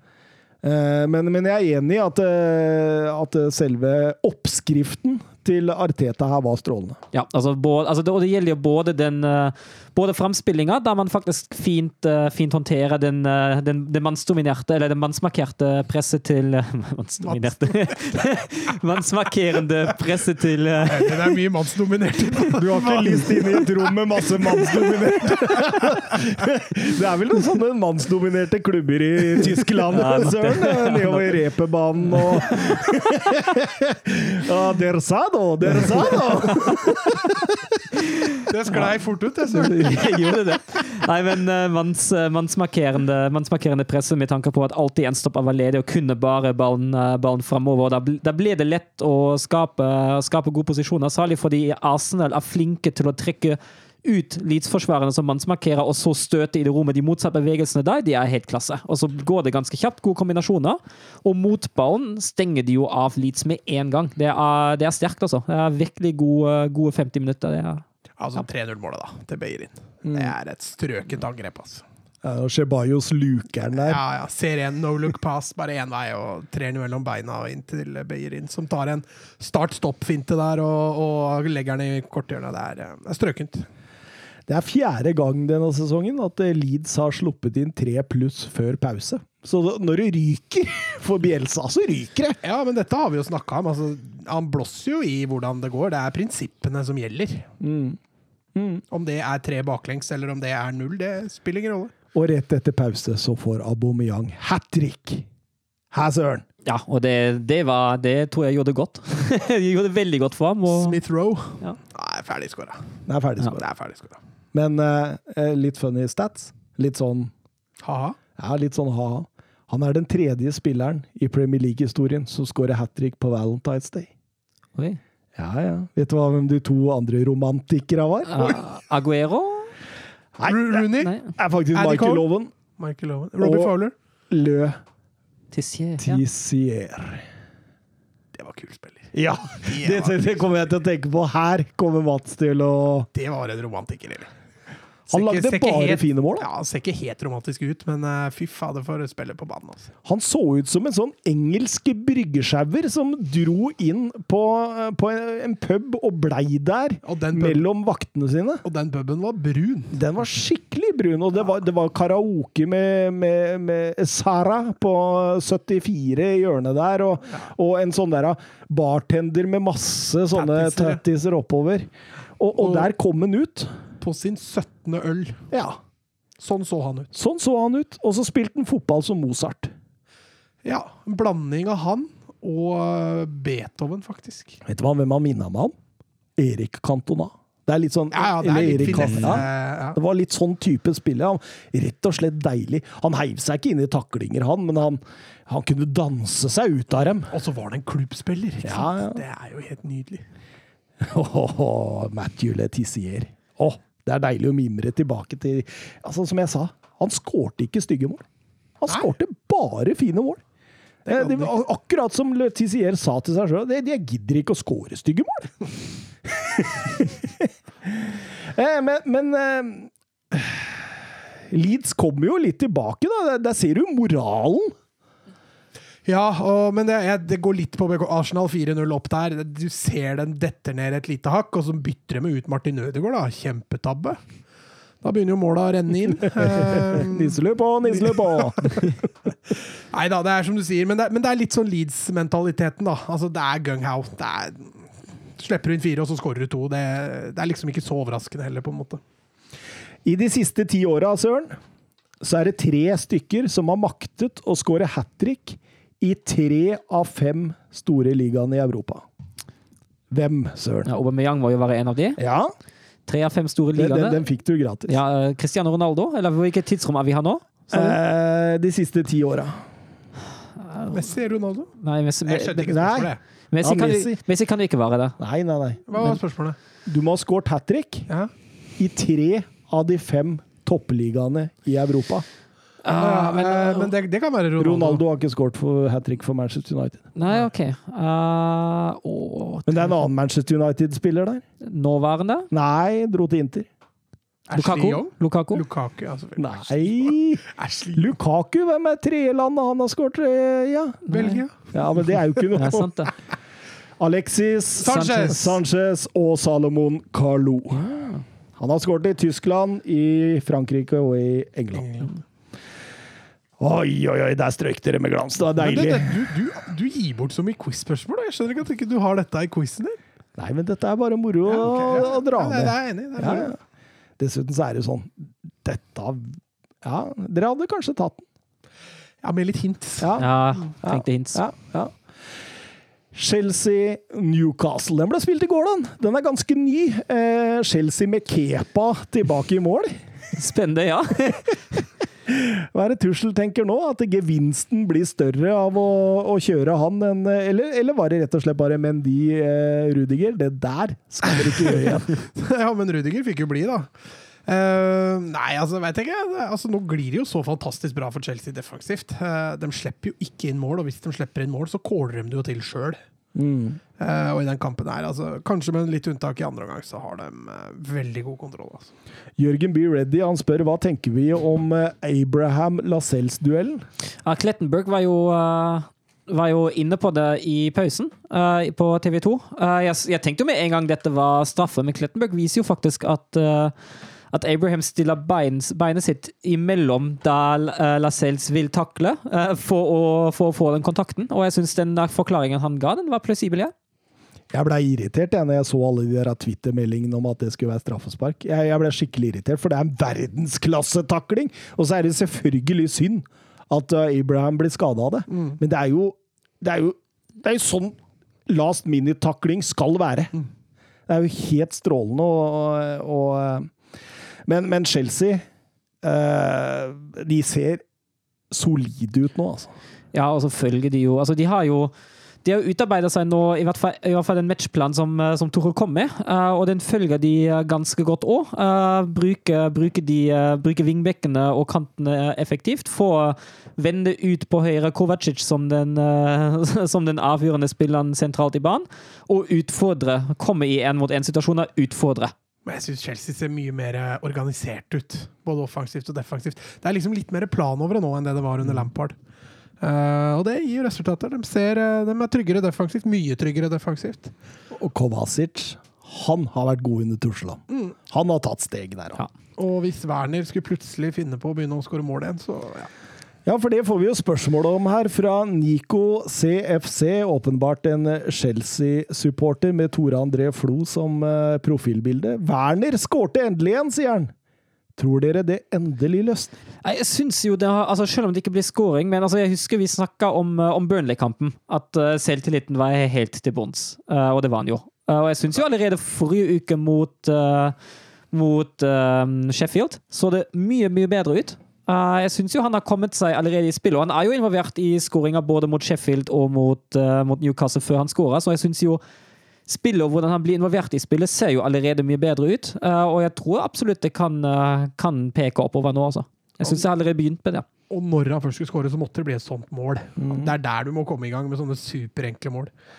Eh, men altså, dette har vi Jeg tror vi har nevnt det mange ganger, at dette, dette kommer. Det er litt morsomt at han skårte akkurat på det tusende minutt etter forrige Premier League-skåring. Altså, du traff den! Men veit du hva? Nei. Det var ekstraspørsmålet mitt på quizen i dag. så den, eh, hvis du hadde kommet dit, så hadde du faktisk vunnet, tror jeg. Ja, det, det tror jeg ville gjort, da, for den, eh, den la jeg merke til. Em, og før det så hadde jo Giroud satt eh, 1-0, og det blei jo plankekjøring ut annen omgang, Søren. Ja, det blir, altså, det blir jo Jeg har brukt ordet transportetappe tidligere, men det, det, blir jo, det blir jo transportetappe der òg. Det blir jo det. En mannsdominert transportetappe. Slitsom runde i Premier League, da! Eh, Sist eh, Chelsea ga bort en 2-0 pluss-ledelse til pause i Premier League, var mot Norwich i 1992. Så når Chelsea går opp til 2-0, da er det bare å Da kan du dra hjem. Ja, da kan du dra hjem. Eh, Tussel kun ett baklengst eh, på sine første fem. Det er det laveste i Premier League-historien av manager de første fem kampene. Sammen med Mourinho, selvfølgelig, og Peter Taylor den gang han var Leicester-trener. Yeah. Nå skal vi over til El Grande La Liga. Det landstrakte Spania. Det lange ah, Granada, Atletico Madrid, Mats. Ja, nå er Atletico på felgen når det gjelder spillelogistikk. Spillere med karantener og covid-19 og skader og hutta meg rundt. Så de, de har litt trøbbel med, med å Spanias Liverpool. Ja, de er, ja, det er ikke Men det, er- Liverpool har jo veldig fokus på skader på ett. Ja. Én plass. En plass. Uh, Atletico har vært smarte og fordelt det litt ut, da. Der var eh, Simione lur! Det var vært smart. Så de har ikke den problemet. Men jeg husker vi nevnte Real Madrid sist, som hadde seks spillere på benken. I dag har jo Atletico Eller i dag. På lørdag hadde jo de bare seks på benken, så, og to av dem var vel fra, fra B-laget, så Men uh, de kommer seg gjennom. De leverer en solid kamp. Ja, ja. Jeg syns, eh, syns de var eh, brukbare. Litt, det er litt sånn som du snakka om bare var før eh, sending, at det er litt Leipzig. Det blir litt kjedelig noen ganger. Men jeg tror dette er en periode hvor Simione tar det ti av ti ganger. Eh, nå handler det bare om å få tre poeng i de kampene. Eh, som vi snakka om, Felix Joao er ute, Trippier er ute. Dette er viktige bidragsytere, både offensivt og, og defensivt for, eh, for Atletico. Jimenez er ute. Eh, Jorente har jo blitt tvunget til å spille høyre wingback, og du ser jo når de flytter han inn som indreløper, det blir noe helt annet med en gang. Så det har vært et savn, altså. Ja, jeg syns, eh, syns de er solide, ja, og Ja, og apropos midtbanespillere som liker å skåre mål, så har jo Rente virkelig kommet opp dit, han òg. Sju mål og sju assist denne sesongen. Ja, det- hylla, heldigvis hylla vi han litt før sesongen, og det, det var berettiga. Ja, Jeg har jo så lyst til å hylle litt Carasco, for jeg syns de bevegelsene han tar i Ja, den kampen, det er, det, er, altså, det, er, det er så sterkt. Altså, bytta han jo litt posisjon med Lorente underveis òg. Jeg, jeg, jeg syns begge to utfyller begge rollene som er gitt til dem, eh, fantastisk. Jeg syns det, er- syns det er herlig, begge to. Og så har Kong Dombia kommet inn og altså, vært enda bredere enn Thomas Party defensivt, som gjør at både Saul og Kåke kan konsentrere seg litt mer om det offensive. Ja, og Kondogbia ser ut til å bli en million etter hvert, han òg. Og det å komme inn i Simione-stilen, det tar tid. Du ser Carasco ble henta igjen i, i januarvinduet i fjor. Han brukte altså nesten et halvt år bare på å komme i form til å spille for dette Atletico Madrid-laget. Gi Kondogbia litt mer tid, eh, så tror jeg nok han også kan bli, bli veldig bra. Eh, Så blir det jo spennende å se da, når de, eh, når han begynner å få på plass alle skadene igjen, hvordan han skal uh, konstruere dette da. For han har åpenbart vært fornøyd nå med denne Trebekslinja, for det fungerer bra for Atletico. Altså. Mm, mm. Jeg er helt enig. Det ser veldig solid ut. Og, og det er vel Jeg tror det er det å, å, som skal til for å vinne La Liga denne sesongen, det er soliditet. Ja. Og det snakka vi om med Real Madrid i starten, at vi så ut som de var der. De har Mm. mista, mista det jo helt. Uh, Atletico de har egentlig vært der. Og står fortsatt altså med bare ett tap denne sesongen. Og det, enn så lenge så, så ser dette ut til å toge videre, selv om de hadde et lite arbeidsuhell forrige helg. Men det var liksom når Jorente skårte 0-1 der, og så skårte Jangel Herrera 1-1 tre minutter eh, etterpå. På en Det- dødball. Ja, det, det er litt sånn Ja, og- og- utypisk. Ja, og, og særlig utypisk med tanke på at Real Madrid, eh, Atletico Madrid virkelig kløner det til i egen boks. De får jo ikke klarert i to forsøk der, og det er i hvert fall veldig utypisk eh, Atletico. Ja, så er det litt tur da å gå via der, men, men jeg er helt enig i dem. Å slippe inn mål når du leder 1-0 med det mannskapet Atletico har der, så, så er ikke det bra nok. Jeg syns jo etter, etter 2-1 ser de veldig veldig ut som, eh, som det Atletico vi egentlig kjenner til Simione. Da, da er det virkelig forsvar for alle penger, og det fungerer jo bra. Ja, det har ikke Granada. Har Altså, ikke det som skal dypt 4-4-2, eh, eller 5-3-2 om du vil, og, og bare sånn Vi legger oss ned når vi kan. Vi drar ned tempo, vi eh, Granada og, Altså, de var ganske irriterte på slutten der. ja, frustrerte der. Men eh, det blei eh, 1-2, og det er akkurat det Diego Simione var ute etter. Du var ute etter tre poeng der. Eh, Jeg tror ikke han var så opptatt av hvordan de kom. I hvert fall ikke den perioden de er inne i nå. Eh, De har jo heller ikke midtukefri, for de skal ikke spille Champions League nå, dem, men de har jo en del hengekamper å ta igjen, så de skal jo spille i midtuka, dem òg. Mm, mm. En annen trener som uh, er veldig opptatt av tre poeng for tida, det er Julian Lopetegi. Han er heller ikke så, bryr seg ikke så mye om åssen de kommer, tror jeg. Han fikk jo ikke lov å være med i den kampen her, da. Eh, han blei jo eh, sendt på tribunen i forrige kamp mot Getafe, og var rett og slett suspendert. Mm. Uh, men det, det gikk jo bra, det. De, Sevilla styrer jo butikken uten å være sånn superfarlige. nesten hele første omgang, og første kvarter i andre omgang så er det, det er litt sånn døll kamp. Huesca legger seg bakpå. Sevilla evner ikke. De sparte jo mye spillere i den kampen her. Eh, åpenbart. Tenker på Champions League-kampen mot Den, Den, den lå i bakhodet, ja. Han gjorde nok det. ja, Fernando fikk jo hvile, og, og, og Enesiri, da, formspilleren, fikk hvile. De eh, satte ut Suso, som fikk, eh, som fikk hvile. Jordan fikk hvile. Eh, verken Akonya, han er jo riktignok skada, da, men Escudero, Jules Condé fikk hvile. Så det var, eh, det var et B-prega Sevilla-lag som stilte til start. Også. Men da steppa Monir opp. Ja, først og fremst herlig forarbeid også på, på høyresida der, og Alej Vidal som kommer rundt. Eh, nydelig bevegelse av Munir i boksen. Vanskelig å plukke opp de løpene der, hvor du starter lengre bak og buer løpet ditt og kommer inn umarkert da, eh, og timer opp oppe suverent. Nok et heading. Blitt litt sånn Sevilla-varemerke. Men uh, søren, Ja, det, det var så vidt det holdt. det var så vidt det holdt. Og uh, laget bør jo spandere en runde i banen til Bono. Det, Men han ble hylla i matchintervjuene etterpå. Ja. Uh, både Munir, nå husker jeg ikke hvem han andre var, sto etterpå og sa at han hadde en fantastisk kamp, og han redda oss i dag. Så Ja, han- jeg tror nok han fikk høre det i garderoben. ja, det er bra. Det, det fortjener han, for de, de redningene han har mot slutten der, det er enormt, altså. Det er, det er sterkt. Hva ene redninga der var litt sånn Gordon, Gordon Banks-vibes. Ja, reaksjonen. Ja, jeg tror kommentatoren sa det ja, òg. ja, stemmer det. Shades of uh, Gordon Banks. Eh, tenk å ha gjort en sånn redning for godt over 50 år siden, og fortsatt så blir det nevnt. Da veit du du har gjort en redning, altså. det mot Pelé. Ja, det var det. I, I VM 1970, tror jeg. Det er helt greit å gjøre mot Pelé òg. Ja, eh, det er litt større å gjøre det med han enn Rafa Mir, i hvert fall. Ja, men Rafa Mir var god, altså. Ja, og, da, og han, Han slåss. han, han, altså, han er jo høydepunktet når du ser Huesca. Syns jeg Mafeo var god på bekken der. Han eh, også er jo gammel City-spiller. Ja, akademispiller, ja. Ja, så det er, det er jo klart det er noe spennende i, USK, men, men de går jo til den kampen her og skal forsvare. Og det er mye som hviler på Okazaki og Mir offensivt, altså. Ni strake seier i alle turneringer for Sevilla. Ikke sluppet i mål på sju kamper. Eh, sist spiller som skårte på Sevilla, det var 19. januar. Edgar Mendes for Alaves.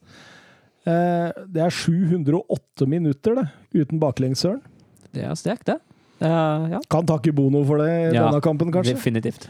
Ja, så tror jeg den kampen hadde sett litt annerledes ut hvis Sevilla hadde toppa laget. Eh, Det er som sagt mye forfall og, og sparing av spillere til den kampen her for Sevilla. og Sånn sett så kom den Huesca-kampen veldig beleilig, sånn rett før Champions League, at de fikk muligheten til det. Mm, mm. Barcelona Alaves, den har du vel gleda deg til? Nei, For det kan vi hoppe dette, over. Det var ikke noe ja, men dette var gøy, Mats! Altså, altså spesielt da, utover i annen omgang, men de gjør også en god førsteomgang. Ja, altså jeg så startoppstillingen til Barcelona den kampen her, så da gleda jeg meg skikkelig. Altså, Se Moriba og Pooch inn fra start. Selvfølgelig kjipt at Peder ikke starta, men eh, Kjørt han også, liksom. Ja, han kunne dytta en han venstre. Ja. Eh, Det hadde gått an, det. Han har jo spilt venstrekant og gjort det bra der, han òg. Men eh, det var kjempegøy. En debutant inn der, en 18-åring. Og jeg mener å huske når jeg hadde representerte han som talent, ukas talent, så skrev jeg litt sånn Pogba-fysikk. Ja. Og du kjente igjen det. Mm. Kjente igjen den der, altså. Kjente litt om de der av løpet inn Ja. i boks, og at han fortsatt kan være med tilbake der og forsvare. Og han, han har litt sånn duellkraft da, og ja, jeg ser, sammenligningene helt, helt klart fra det du eh, rabla i vei om for noen, eh, noen år siden, kanskje? Et år siden, kanskje? Ja, har vi holdt på i to år? Nei, i april. Ja. Ja. Tenk da, to år! To år, ja. Søren har vært med i halvannet, har du ikke det? Ja, jeg tror første gang var sånn i høst 2019. Ja, det Ja. må ha vært noe sånt nå. Ja, det var tider. Uten korona. Skal vi feire kake i april? eh? Jeg syns det. Ja. Det var jo kaken når vi har episode 100 òg, da. Nei, men nå må vi ikke gli. Nå Barcelona prater vi Nå prater vi Barcelona. Må ikke gli. Nei, mannsdominert. eh, La oss fortsette.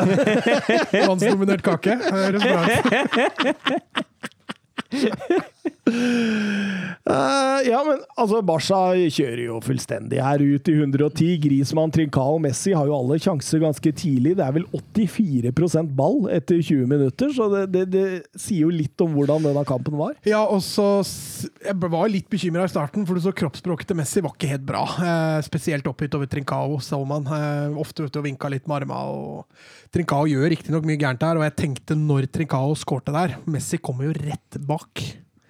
Hadde Trincao bomma der, da tror jeg han hadde fått hørt det. Men det er veldig bra av, eh, av eh, Herregud, stå stille. I likes. Ja, Ilay Moriba. Ja, Ila Ila Moriba å spille den ved den snilleste mann. Ja, altså, som, som debutant da, så tror jeg det er veldig lett å la seg forlokke til å Ja. fyre et skudd der. Altså, altså Det kan jo hende det blir mål for det, men Yngste assistmaker for Barcelona på hele 2000-tallet. Så det, det var jo artig. Og, og, og det målet kom jo etter 35 trekk. ja. Noe som er Hør her nå. Vi skal tilbake til 05-06-sesongen for å finne et Barca-mål med like mange trekk eller flere. Før Guardiola? Ja, tenk det! Nei, nå må jeg skrive det nå. Må jeg, Roman, ja, du, nå du, skal, jeg- du skal hylle Roman Koma til Roman, Roman Koma. Roma la Goma, da. Så det, det, det skal du få lov til etterpå. Men eh, ja, Messi setter jo 2-0 rett for pause, og det var jo egentlig spikeren i kista for Alaves. Nei, det blei jo ikke det, da. Men... Jo, det var jo egentlig ja, du, du, altså, det greia her, da, det, det merker jeg altså veldig ofte når jeg ser Barca live. Det er at jeg oppfatter dette en annen kamp enn det Mm. du eller de som ikke er Barca-supportere gjør. For Jeg husker, jeg husker spesielt når vi så Arsenal-Barca. Så sa jeg å fy fader, nei, dette går ikke. Og, slapp av, de har jo full kontroll. Liksom. Jo, de leder jo med Men når du da ser kampen på nytt, så ser du det med andre øyne. Men Mm. når jeg var midt under den kampen her, og Alaves fikk reduseringa si, da tenkte jeg herregud, dette går ikke. Nei, for han Moriba han tok en assist andre vei òg, og, og, og Rioja bare storma fram, krumma nakken og satte 2-1. Men jeg, jeg satt hele tida og tenkte at Ja. dette her, Barcelona, det har dere god kontroll på. Ja, men det har, det har de jo òg. De har jo god kontroll også etter 2-1. Uh, og, Ser ikke litt nervøst ut. Nei, syns ikke det. Syns det ser full kontroll ut. ja, og de siste, de siste 20 minuttene ser jo Når jeg ser at Atletico så ut som Atletico i siste 15 mot Canada, ser i hvert fall Barcelona de siste 20 ut som Barcelona. Som det gode, gamle Barcelona i den kampen der. Ja, ja, ja, og fem minutter etterpå der, altså, altså Det er nesten dårlig gjort at Rincao ikke sender den til Moriba rett etter. Ja, ja. Det er dårlig Ja, gjort, det er, altså. det er egoistisk. Ja, ja. At Moriba kunne fått gjort opp for seg, det er jeg enig i. Eh, og så er det jo selvfølgelig litt synd da, at det der når Moriba blir bytta ut, at uh, ketsjup-effekten kommer offensivt. eh, uten at det nødvendigvis er fordi han ble bytta ut. Men Pedri sitt inntog ah, For en spiller, altså. ja men, det, det er nå etterlyst det, at han eh, har til gode å imponere i storkamper. Mm. Og får vi litt fasit på det i kveld? Åh, jeg gleder meg til å dra hjem nå og se begge etter hverandre. Ja, det skal bli nice. Det blir sein kveld. Det blir sein kveld og tidlig opp i morgen. Han Mellomstad hjemmeskole. Det. Ah. Ja, det har vel de nå? Ja. Ja. Ja, jeg vet, hva du- Følger hun, følger hun opp, eller? Veit hva du går til. Ja, men følger hun opp, eller? Ja, jeg sitter jo ikke sammen med han på PC-en når han driver med det, men man må følge opp, ja. Ja, du, du sitter og retter den etterpå Noen? ja. Kanskje ikke hver eneste oppgave han har gjort, men man må jo sjekke gjennom det. Tror du han gjør det skikkelig, ja? Jeg har inntrykk av det, men han er jo en sluntrer, da. Ja. Akkurat som faren sin. Ja. så det er klart, det er derfor du må følge det opp. Det var det siste ordet jeg hørte før jeg dro hjemmefra. Det var at det blir ikke noe PC på deg på to dager hvis du ikke gjør dette skikkelig i morgen. Du fikk aldri PC på to dager, du, da. Eh, Nei, over til det som er morsomt. Eh, Trincao 3-1, Messi 4-1 og Firpo 5-1, og det var jo Da, da løsner det. champagnefotball. Mm. Eh, Goalen til Messi er jo fantastisk, og, og forarbeidet før junior Firpo-skåringa er også eh, helt nydelig. Akkurat derfor man eh, følger med på Barcelona. Løsna litt for han Trincao òg.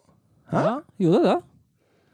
Ja, Jeg er litt mer sparsommelig på han. Jeg ser helt klart ferdighetene og potensialet der, men eh, jeg syns han, han gjør mye rare valg, så han er nødt til å modne litt. Altså. Han er i hvert fall eh, den første portugiseren som skårer to mål for Barcelona siden Luis Figo. Nei, nå. Du må mye tidligere. Mye tidligere. Nei, mye seinere, mener jeg. DK. Nei, mye seinere. Se- Seinere må du liksom mot Ja, da, da, da må du Nei, da må du Nei, da seinere. Altså Vår tid. nyere, nyere tid. Portugiser. Faen, jeg er helt ute av 2017 var det en portugiser som skårte to mål. Semedo? Nei, nei, nei, nei, nei, nei. Søren. Kan du hinte? April 2017 var en midtbanespiller som i dag spiller for eh, Everton Ja, fotballklubb. Gomes. Ja da, ja da, ja da. Didrik Tofte Nilsen. Nå ønsker jeg meg en skikkelig hyllest av Ronald Koman fra Mats Granvold. Scenen er din!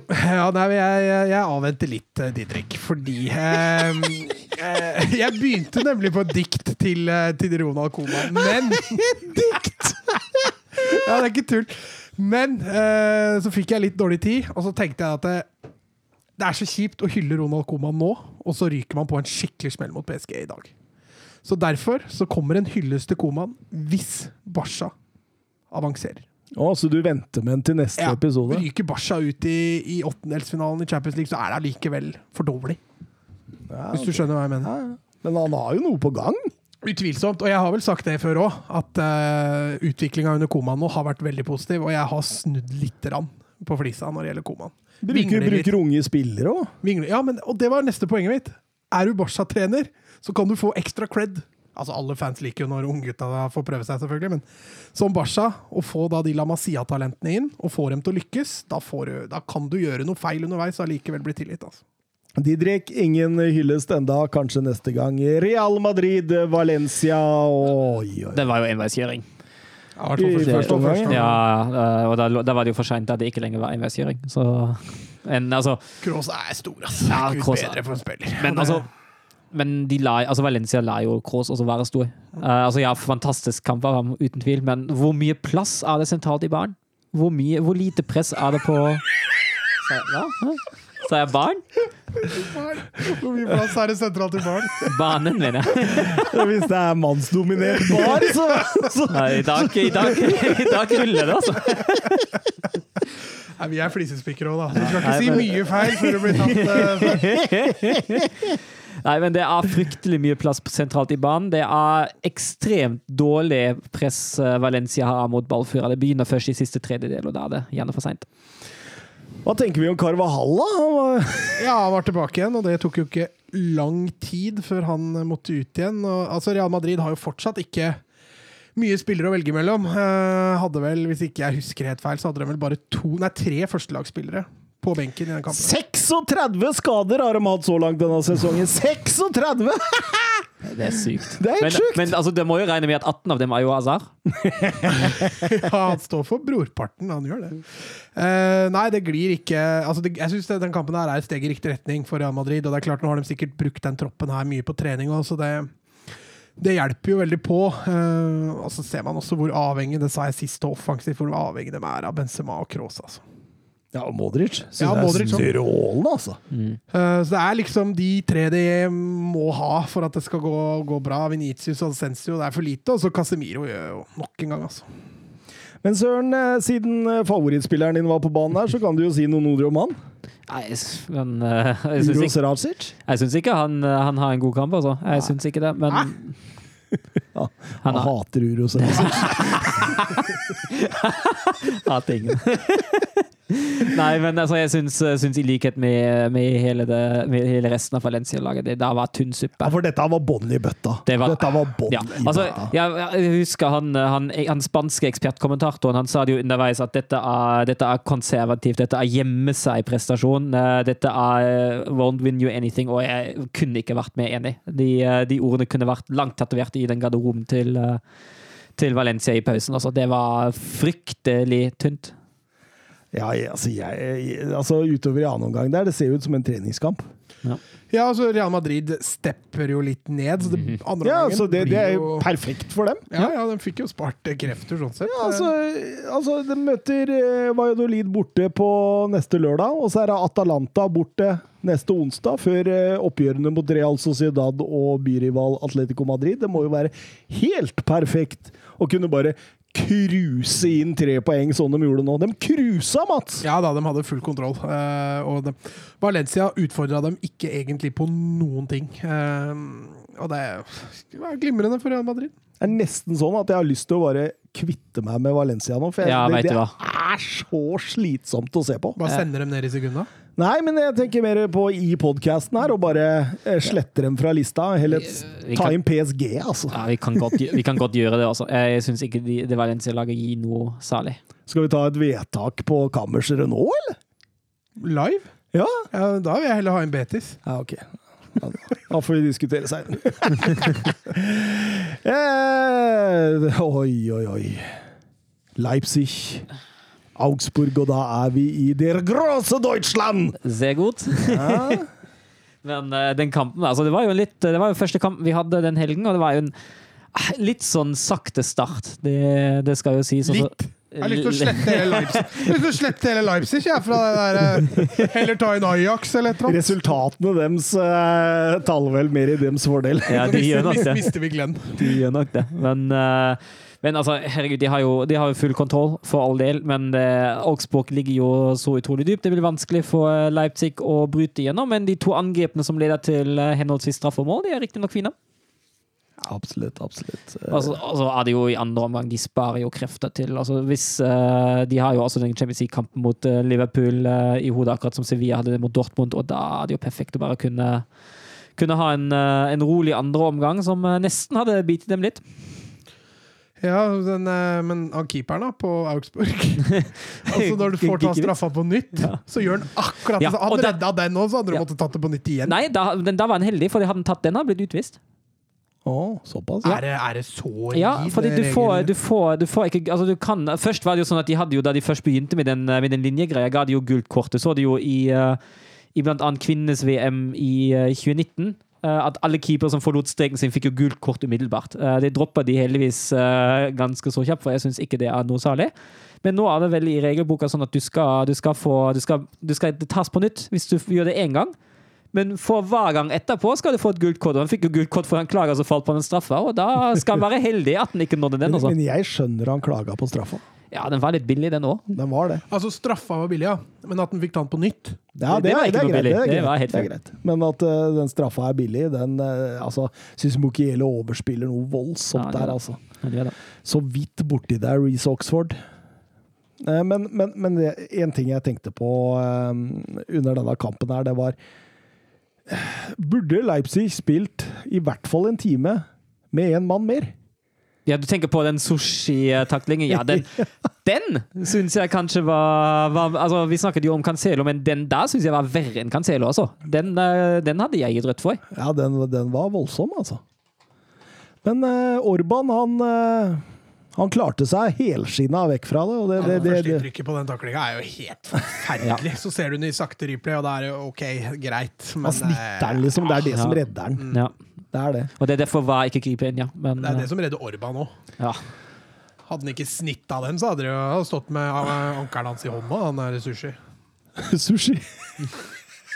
Eh, men, men Sørloth eh, gjør det godt innom. Nå fikk han mye rom, da. Eh, Augsburg pre kjørte jo folk opp, men jeg syns det han gjør, er strålende. Ja. etter han Og det igjen, det, det tyder jo på at han, han virkelig begynner å forstå hvordan Nagelsmann ønsker det, og hva Nagelsmann ønsker fram. Og at det, det ser jo virkelig bedre ut nå. har sett bedre ut de siste kampene. Vi fikk et spørsmål av denne RB Leipzig-fanen vår. Hva er han heter igjen? Glenn? Weber. Glenn Weber, ja. Hva tenker dere om Opamekanos overgang til Bayern München, og hvorfor tror dere det ble annonsert allerede nå? Virker jo latterlig at man annonserer overganger til en gullrival i gullreise. Hva tror dere det gjør med Opamekanos spilletid ut sesongen? Ja, altså For det første syns jeg det er sterkt av Bayern å, eh, å seile den dealen der, når de uh, tilsynelatende har halve toppsjiktet i Premier League i konkurranse der. Eh, det, er jo, det er jo godt jobba. Sikre seg opp Mekano. Du sa vel det før sending, Mats, at eh, 400 millioner for opp Mekano, det er et ran. Og det, det kan jeg være enig i. Eh, Når det kommer til det med, med annonsering, er det jo fort sånn at man ikke hadde noe valg. Når Bayern og Mekano har blitt enige, han har jo den klausulen han har. Eh, Og når Bayern sier vi offentliggjør det nå, da er det vanskelig for Leipzig å si nei, det gidder vi ikke. Nei, men men det, er- det finnes så mange dårlige Det finnes så, mange få, eller det finnes så få eksempler da, på at sånne dealer har endt bra underveis i den sesongen. Ta Nybel i fjor, da. Ja. Det var jo katastrofe for både Schalke og Nybel og, Men- og Men- I dag kommer Opamecano til å servere Champions League-avansement til Ja, for jeg så han starta Ja, nå for Leipzig. så det, så det. Eh, altså, han er jo Så lenge Orban, Konaté er de som han er i konkurranse med, er ikke det? Ja, og så Ja, Halsenberg og- Klostermann innimellom. jeg, jeg rangerer fortsatt Opamecano, men, men spennende å se motivasjonen hans. Ja, men Han er altså, jo en ung spiller. jo, men det, det, jeg, det, jeg tror, det jeg tror virkelig hjelper, er ingen tilskuere på stadion. Det er ingen som kan, eh, som kan by mot ham. og nå har jeg ikke sjekka, sjekka hvordan stemninga er hos Leipzig-supporter, men det er jo egentlig litt Det bør egentlig være litt forståelig at man har lyst til å ta neste steg i, eh, i Bayern, men det er ikke nødvendigvis alltid man blir tilgitt for det. Altså, jeg syns det er litt sånn sketsjy, Altså. Gå fra én gullkandidat til en annen. Jeg, så har du en klausul, liksom. Jeg kan ikke tenke meg Leipzig la inn den klausulen for at han skulle gå til Bayern året etter. Nei, Nei, de vil nok ha den. For han vil jeg- til utlandet. Ja, så det der er, der er Men får de orden på skadeproblemene til Konaté, så er han like bra. Ja. Så det, det tror jeg ikke hadde spilt sånn kjempestor rolle. Nei, nå, nei, men- nå har de fått trigga utkjøpsklausulen til Angelino òg.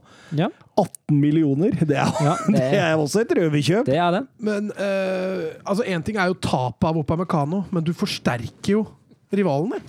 Ja, det, Det er det, det, Ja. er det store tapet for uh, Leipzig liger. Absolutt, absolutt. Og nå er det Nopamecano som skal spille resten av den kampen, og det er, det er- er resten av den sesongen, med og vel vitende om at det laget han skal til. Det er det han kjemper om gullet mot. Men jeg tror jo han har mye mer lyst altså, for, altså, det er jo Vi skal jo litt inn til, til en rosesituasjon også, uh, men han er jo i hvert fall trygg på at både Leipzig og Bayern spiller jo Champions League neste sesong, uansett hva som skjer. Eh, og jeg tror det er mye gøyere for Upamecano å vinne gull med Leipzig enn å ikke vinne gull for at den nye klubben hans skal vinne uten at Ja, han har bidratt Ja, mer gøy, ja. Det, det er jeg enig i, men, men det må ligge noe mer bak motivasjonen din enn mer gøy. Altså, men- Werner ville jo ikke engang fullføre med Nei, Leipzig. Han. han vil ikke det. Men, men uh, Gutset, husker jeg riktig, han også var ikke veldig spektakulær på slutten. Nei, han, Når han det. ble klar for Han ble, spilte jo ikke engang Champions League-finalen. Nei, han gjorde ikke det. Men uh, Lewandowski er jo det moteksempelet. Visste jo alle et at han skulle til Bayern. Fordi Ja. Dortmund sa vi han ikke. Han, Men det ble jo ikke offentliggjort. nei, men Så det det, var, kunne det, han gå og ruge litt på. Det, litt, Jo, men jeg det tror var- det kan det var- være litt lettere å forholde seg til, i hvert det var en åpen hemmelighet at han skulle. Det var det. En åpen hemmelighet. Ja, altså, alle, alle visste at han skulle til Bayern etter sesongen. Han visste, alle visste at han spiller ett år i Dortmund, og så går han til Bayern fordi Bayern var klar på ok, vi får han ikke kjøpt nå fordi Dortmund ikke vil selge den. Da henter vi neste sesong, og alle visste det. Og han presterte jo voldsomt bra den siste sesongen for Dortmund. Jo, jo, men uh, ingen regel uten unntak. Og jeg Altså, jeg Jeg blir fryktelig imponert hvis Opamecano leverer på lik nivå resten av sesongen. Og at han får spille. Ja, og får, få spille like mye. Altså, hvorfor skal Julian Nagelsmann fortsette å polere Opamecano for sin argeste gullkonkurrent nå? Ja, det er jo et, det er jo et relevant argument. Ja, altså, det er jo helt enig. Det er jo bare å sette han langt borte i benken der, så lenge både Orban og, og Konaté er eh, skadefrie. Ja, absolutt. Absolutt. Vi skal over til eh, Dortmund mot eh, Hoffenheim. Og eh, det var et Hoffenheim med voldsomt mye skader. Ja, det var det. Og eh, aller kjipest for Hoffenheim var kanskje Kramaric, mann som skåra fire mål for et halvt år siden på samme sted. At han er ute, det var, det var kjedelig for dem. Og Det så var var ikke så dårlig han som kom inn, da. Nei, absolutt ikke. Han, han er jo strålende. Han, du tenker på Bebo? Ja. Han, han er, Han, han var er så han var et levende spetakkel. Som jeg og Søren var inne på der. Altså, det er jo eh, Bundesligas svar på Inyaki Williams, liksom. Ja, eller, eller Erling Knutson. Ja, det er litt sånn, men for en tempo han har i kroppen sin, han Ilias Bebo. Altså. Ja, det, er- og det er jo helt sykt. Og han får jo de rommene mot de store lag òg, men altså, tenk han kunne ha skutt Hoffenheim til seier mot både Bayern og Dortmund, som hadde vært litt mer effektiv. Altså, er, al- altså, Hummel står igjen med rød nese. Eh, Den ene gangen der, han sparker jo luft. Jeg flira jo litt inni meg når jeg så hvor god han var, og så tenkte jeg ja, han tok jeg med på draften min, ja. Ja. Bare ikke skåra, Det er bra, vi, det er bra jeg, jeg dro pillesten her nå, da. Så du slapp å gjøre det sjøl. slapp å gjøre det sjøl. Eh, men eh, Sancho gjør jo 1-0. Ja, og det er jo um, Dort, altså Det er jo den venstre sida igjen. Uh, og når ikke den venstre sida fungerer for Dortmund, fungerer veldig lite mot det etablerte. Da, og da fikk de litt rom, Guerrero og Sancho. Uh, Da fikk de kombinere, og da fikk Sancho sette 1-0. Spørsmålstegn ved Hoffenheims uh, forsvarsspill der. Men uh, Hønes ser det jo også, og Hunes prøver så godt han kan å stenge den, uh, den venstre sida. Og når han lykkes, da ser det svakt ut for Dortmund mot det etablerte også. Nydelig avslutning, eller, Mats? Ja, ja, ja. Eh, Men han hadde samme mot Leipzig, husker jeg. Mm. Legger seg over mot høyre for å få keeperen på feil bein, og så setter han i, setter han i nærmeste. Eh, Jeg tenkte også på Haaland, han burde jo hatt. For den Ja. serveringa Gureiro gjør der, den er klasse. Perfekt vekta i løpsretning. Haaland ser litt Altså, han er eh, ikke den sikre aleine med keeperen lenger. Nei, det er ikke det. Han Han må- ser det litt, litt. mer sånn, eh, sånn eh, nå ut, men, Ja. men så kommer jo denne situasjonen hvor Fogel river ned Haaland der, og da får VAR og, og dommer kjørt seg i Viasat-studio. Ja, men da, da, da, er jeg, da er jeg uenig. Altså, det er jo to forskjellige tankeganger her. Eh, Tjenos mener jo at det er rødt kort. Uh, syns jo Tjernas kommer med, med mye bra, men jeg syns ikke han treffer der. fordi det kan ikke bli et rødt kort uten at, uh, uten at Haaland har ballen. Han kan ikke gi rødt kort fordi Bellingham kanskje muligens har lyst til å spille den på tvers, uh, på tvers til Haaland, uh, så jeg syns ikke det er varmat. Eh, Jeg syns heller ikke det er varmat med tanke på at målet kommer rett etterpå. For Hoffen, altså det, er ikke, det er ikke samme trekk. Hoffenheim spiller jo spiller tilbake til keeper og bygger opp på nytt. Så jeg syns ikke det er varmat da heller. Det jeg er veldig enig i med både Fjørtoft fortjener at det er fryktelig svak dømming. For det må dommeren se. Det er frispark og gult kort. Og ikke noe annet. Altså, ja, men, altså, det Enig med Fjørtoft. ja, men sva- svak dømming, eh, svak dømming, ja. Uh, rødt nei, var nei. Men jeg flira av Fjørtoft i studio. Han tok det personlig. Ja, han, han gjorde gjorde det. det. Han gjorde det. Det gikk innpå med det. Ja, han gjorde det. Ja, han, bli- Han var rasende. Han fyra Ja. seg opp Ja. underveis i ranten der. Fryktelig emosjonsladd, altså. Ja, det, det var helt enormt. Det var kjempegøy å høre på. Ja, humor. Nei, ikke humor, det var underholdning. Han er engasjert, da. Ja, det det, skal skal han ha. Det skal han ha. Ja. Eh, Men eh, du, Dabur setter jo 1-1, som du sier der, rett Ja, og, det, etterpå. og der kan man jo heller stille spørsmålstegn hvorfor er det ingen som følger det dype løpet til Rodi deg?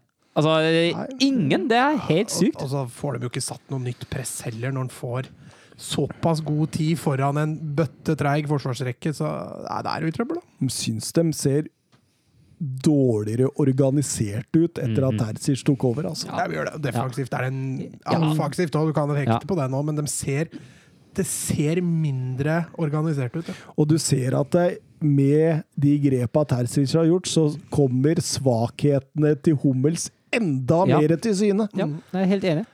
Så det Altså, altså, neste er jo frispillinga. Den har blitt mye dårligere, den òg. Den frispillinga er tidsvis katastrofe. Ja, det etablerte angrep på deg. Ja, jeg vet det. Ja, for går til pause med 1-1, og, det- og det er jo en morsom kamp. Det Ja, det- og Det er det jo absolutt. Det er det er kjempeunderholdende, Ja, egentlig. Begge lag har jo store svakheter bakover. Ja, Og så finner Marvin Hitz ut at eh, nå bokser vi en corner rett i Bebo. Det var vel sånn han måtte Ja, skåre. det, det, det, var, det, kunne, det kunne ikke unngå å skåre, altså. Men, men altså, det er ikke bare Marvin Hitz. Altså, Marvin Hitz gjør en kjempetabbe der, men Hummels og Akanji igjen Altså, det er jo altså, Jeg har ikke ord. Står og se på at Bebo tar det løpet der. Det gjør jo ingenting. Det er fryktelig svakt forsvarsspill. Da gjør Terzic et trippelbytte, han, søren. Ja, han gjør det. Uh, kommer Mokoko, Royce og Dahoud uh, for Delaney, Brandt og Reina. Men det, det hjelper ikke noe, noe kjempesalig, altså. Nei, den ble ikke noe bedre. Nei, ble ikke det. Og det er jo egentlig uh, en ekstremt svak pasning av Sebastian Rudi som gjør at Dortmund får med seg poeng her. Ja, det er det. Uh, setter han, jo, han, han er jo fantastisk gjennombruddspasning til Haaland der. det skal jo sies nydelig, nydelig assist. Uh, Haaland han dunker den opp. ja. Lurt. Ja, der var han, eh, gjorde han noe mer konstant Nei, konstant, sier jeg. Hva kaller man det? Kontant? Ja, absolutt. Altså, så skjønner jeg ikke hvorfor Porsche blir sur. Det er Hoffenheim sjøl som valgte å spille videre. Og det sa jo til og med Hoffenheims uh, sportssjef uh, Rosén sa jo det etterpå kampen at vi har ingenting å klage på. Vi valgte å spille videre. Vi kunne ha spilt ballen ut to ganger. Og jeg er helt enig. Altså, det er ikke noe å bli sur for når ikke de spiller ballen ut. Da er det deres eget problem. Gazinovic nære på overtid der og setter i Ja, 2-3. kommentatoren sa vel òg det er feil mann på feil sted som får den, eh, og det, det er synlig. For et forarbeid av Bebo. Ja. Han hadde en strålende kamp, altså. Det var veldig gøy å se på. Er ikke, har det Johanne fordi du har den draften, eller? Ja, han er han jeg har i draften min. ja. Vi kommer tilbake til det. Så kommer vi til en av Unnskyld, Søren, med en av rundens kjedeligste Ja, fotballkamper. Helt enig. Det Wolfsburg Glattberg. Men altså, jeg syns fortsatt Wolfsburg kommer greit fra det, altså. Jeg syns det. Ja, de gjør det, men dette her altså, Nå hadde jeg endelig tid, Søren, til å se Wolfsburg. Endelig fikk jeg tid til det! Ja. Og så er det nesten eh, Altså, det er så nesten som å se maling tørke. Ja, vet du hva? Altså, jeg måtte jo se en i opptak fordi jeg var på Det var jo valentinsdag, så jeg var jo på restaurant. Hadde en eh, god middag og måtte se en på kvelden når jeg kom hjem. Og så sa jeg jo til alle som holder på å sende meg melding under fotballkamper, ikke send meg noe. Jeg vil ikke vite resultatet, jeg må vite det her. Nei, jeg må se det her og vil ha Wolfsburg-kamp i spenning. Jeg hadde nesten ønsket at noen har sagt til meg at det ble 0-0. Jeg hadde nesten det, også. Jeg skjønner det. skjønner det. Men, men den statistikken Wolfsburg har hjemme mot Borussia Mönchengladbach, det er ganske heftig. Den er sterk, og jeg husker faktisk sist gang vi tapte mot Mönchengladbach. Det, da sto jeg, sto jeg i U150-blokk for folk som er lavere enn 150, 150 cm. Det ble, ble 1-3. Det ble det. Med Buffalo-sko. Han var egentlig 1,20. Ja, noe sånt, ja. U-blokk, kalte du det? Ja, det var sånn U150-blokk, altså for folk som var lavere enn 1,50 meter. Å ja, du får en sånn blokk som Nei, du står på? Nei, altså, så- nei tri tribune, da. Få utlevert en sånn! Det er ikke så lett å skjønne en U-blokk. Det, Hva vil altså, du ha? Vil du ha type, blokk? type tribune, blokktribune. Vil, vil du ha blokk, eller vil du ha stylter? Du Se, 20 mann på stylter og på tribunen her på kaller, vi U-blokka. kaller tribune på blokk på blokk i Tyskland, da. Okay, så alle som er på den tribunen, er lavere enn 1,50? Ja, det var krav for å komme inn der. Du har stylten! Det, er Det var- det var sånn- det var sånn- Nei, det er ikke folk der. Så Det var sånn barne... Altså sånn barne... barne barnetribune. Ståtribune for barn, rett og slett. Men det er bra, da. Ja. Godt tiltak, godt tiltak. Ehm, ja, men uh, og, og da husker du de tapte, altså? Ja, 3-1. Det var vel, uh, var vel med var vel i 2003, blant annet spilte vi Stefan Effenberg for Wolfsburg fortsatt, tror jeg. Mener å huske. Det kan jeg ta feil. Men eh, det var Tidenes mest sympatiske fotballspiller. Herregud. og jeg husker at vi hadde Det var en, eh, var en ung Mönchengladbach-fan som står helt nærmest, og så husker jeg at jeg ønsket ham lykke til i nedrykksstrid eh, videre. Eh, litt sånn overlegen, og så spilte vi en fryktelig sesong og bare gikk nedover nedover i tabellen og unngikk eh, så vidt selv å havne i nedrykksstrid. Ble vel tiendeplass til slutt, eller noe sånt. Så. Det blei jo 0-0, men søren, jubla du når Sløger eh, Nei, jeg gjorde ikke det. Jeg, eh, jeg trodde et lite øyeblikk at den gikk inn, uh, men så så jeg med tanke på hvordan, hvordan ballen gikk da bak nettet. Da så jeg ganske kjapt at det var ikke mål likevel, dessverre. Men jeg så at det var, det var en, en som, som reagerte i et forum. Uh, Han hadde ikke sett kampen, og så hadde han vetta på Wolfsburg, og så så han at et bettingselskap satte på 1-0, og så trodde han hadde vunnet penger, men så trodde han VAR kom og annullerte, men da viste seg at bettingselskapet trodde at ballen gikk i mål, de òg. Det gjorde Glasner òg, for han så ut som Altså, eh, når en av disse i åndenes makt eh, får feelingen av en eller annen på den andre sida Det var det det sjukeste uttrykket jeg har sett han hadde, altså. Ja, det tror jeg ikke han skjønte hvorfor, den ikke, hvorfor det ikke ble mål. Eh, nei, men det var jo det var jo noe av den nærmeste Vårsborg kom. Jeg, altså, jeg, jeg syns jo egentlig Glattberg kunne ikke ha klaga på hvis Vårsborg hadde vunnet det. Nei, jeg er for så vidt eh, helt enig med deg. vi, snakket jo, vi snakket jo litt om at Wolfsburg bare trenger å legge seg bak og kontre, men det var jo det stikk motsatte de gjorde, egentlig. Jeg er helt enig. Jeg, jeg sy- syns det litt rar taktisk kamp av Glasner. Nå har vi skrytt og hylla han Ja. i skyene her nå, men hvorfor han ikke legger seg litt mer for å lokke Ja. eh, Borussia München-Gladbach framover, det skjønner jeg ikke. Ja, jeg er helt enig. Og så Men, men han lykkes jo til dels med den taktikken han gjør òg. Til dels. Ja, fordi- men, men, men tre poeng var det som gjaldt der, altså. For, Mm. å, for å få For å få lyka, ja. ja. Ja, altså tre poeng viktigere enn å få null. ja altså, Mm. det vil jo si at Wolfsburg kan leve bedre med 0-0 enn Mönchenglattberg. Fordi det hold, Wolfsburg, holder Mönchenglattberg på, Mönchengladbach på avstand, for all Ja. del. Men eh, jeg syns Jeg, jeg er enig, og så syns jeg ikke den in-gamen funker heller. Jeg synes, skjønner ikke helt hvorfor han ikke bytter inn enten Maximilian Philip eller Atmi Mehmedi for Jannik har eh, offensivt. Og så skjønner jeg i hvert fall ikke hvorfor han bytter inn uh, Joao Victor, for det er en ren kontringsspiller. Han hadde ingenting å tilføre i den jeg tror han har en drøm om at Victor skal Ja, fungere. han har det. Han kjenner han jo fra før, fra, fra Linz, uh, og det merker man litt. Han er jo en litt sånn, en sånn liten, eh, liten favoritt. Han får jo litt overproporsjonal mye spilletid med tanke på hvor god han, eller ikke god han er. Dessverre. Men uh, i den kampen syns jeg han er litt bortkasta. Det hadde vært lettere å forsvare hvis man leder 1 eller 2-0 og bruke den som kontringsspiller. Hvis du ser på hva Glasner har gjort med Wolfsburg-spillere og sånn én og én, så syns jeg nesten samtlige spillere har vokst kvalitetsmessig. Så det, det kan jo godt hende han ser noe der som han vil jobbe med og prøve Ja. å få ut. da. Altså, eh, bare, bare husk hvordan Søren slakta Mbabu, Ja. blant annet. Ja, og Og har blitt god. Og Brooks. Ja. Ja, men, altså, til og med Brooks synes jeg har vært stabil denne sesongen. Han har min, færre av de blemmene som han, eh, som han hadde forrige sesong, og da blir han jo helt OK. Og Lacroix. Ja. Vet du hva, Lacroix altså, At denne mannen har kosta fem millioner euro, det var i hvert fall et ran. Det Det er er, det er, det er helt sykt. Uh, Eh, som han på draften. nå- det er bra du dro fram den og hyllesten. nå, Du har fortsatt ikke bedre stoppere enn meg. nå har han jo nå har, fem millioner, så er det. nå har han ikke lov å være med på, på det laget vi satte opp for noen uker siden heller, for nå har Transfer uh, justert markedsverdien hans til 17 millioner euro. Ja, da gikk vi glipp av den. Søren. Sitter hver dag han og oppdaterer Ja. For å se hvor dumme vi var som ikke hadde han på. Jeg, digg, jeg digger Lacroix. Jeg synes det, er det er en herlig spill. Altså, altså, ikke bare den hastigheten. Han leser jo spillet, og taklingsevnen hans. Den ene taklingen her mot slutten, da timer helt perfekt. Det er helt vanvittig. Ja, han er bra. han er bra. Eh, Jørn Henland, eh, hva tenker dere om at Marco Rosa allerede har blitt annonsert som Dortmund-trener, selv om han ikke skal trene dem før neste sesong? Taper ikke både Dortmund og Gladbach på dette? Dortmund øh, Tja, eh, Dortmund er jo litt sånn i den situasjonen at man ikke, kan fyke Terzic, egentlig. Ja, Hvorfor det. ikke? Eh, fordi, altså, hvilken trener får du som er bedre enn en, en, en liste- Thomas Edvardsen? Ja, jo. Men hvilken, hvilken trener får du som, som, som du setter inn i Dortmund, som du vet, så da du vet at uh, i juli er jeg ferdig, for da kommer Rosa? Du får ikke noe det- seriøst der. Altså, du kan jo ikke få noe dårligere enn Terzic. Nei, greit nok, da. For det han driver med der nede nå, det, Ja. det ødelegger kommer ut til å ø... Ja, det, altså, det Rose skal ta over en klubb han, som knapt nok kanskje spiller Europaliga. Altså Conference League, er ikke det den nye tredjenivå europeiske cupen? Med så mange stjerner i laget. Ja. Ja, altså Sancho Haaland etc. er jo garantert å dra for godt under markedsverdi, i hvert fall.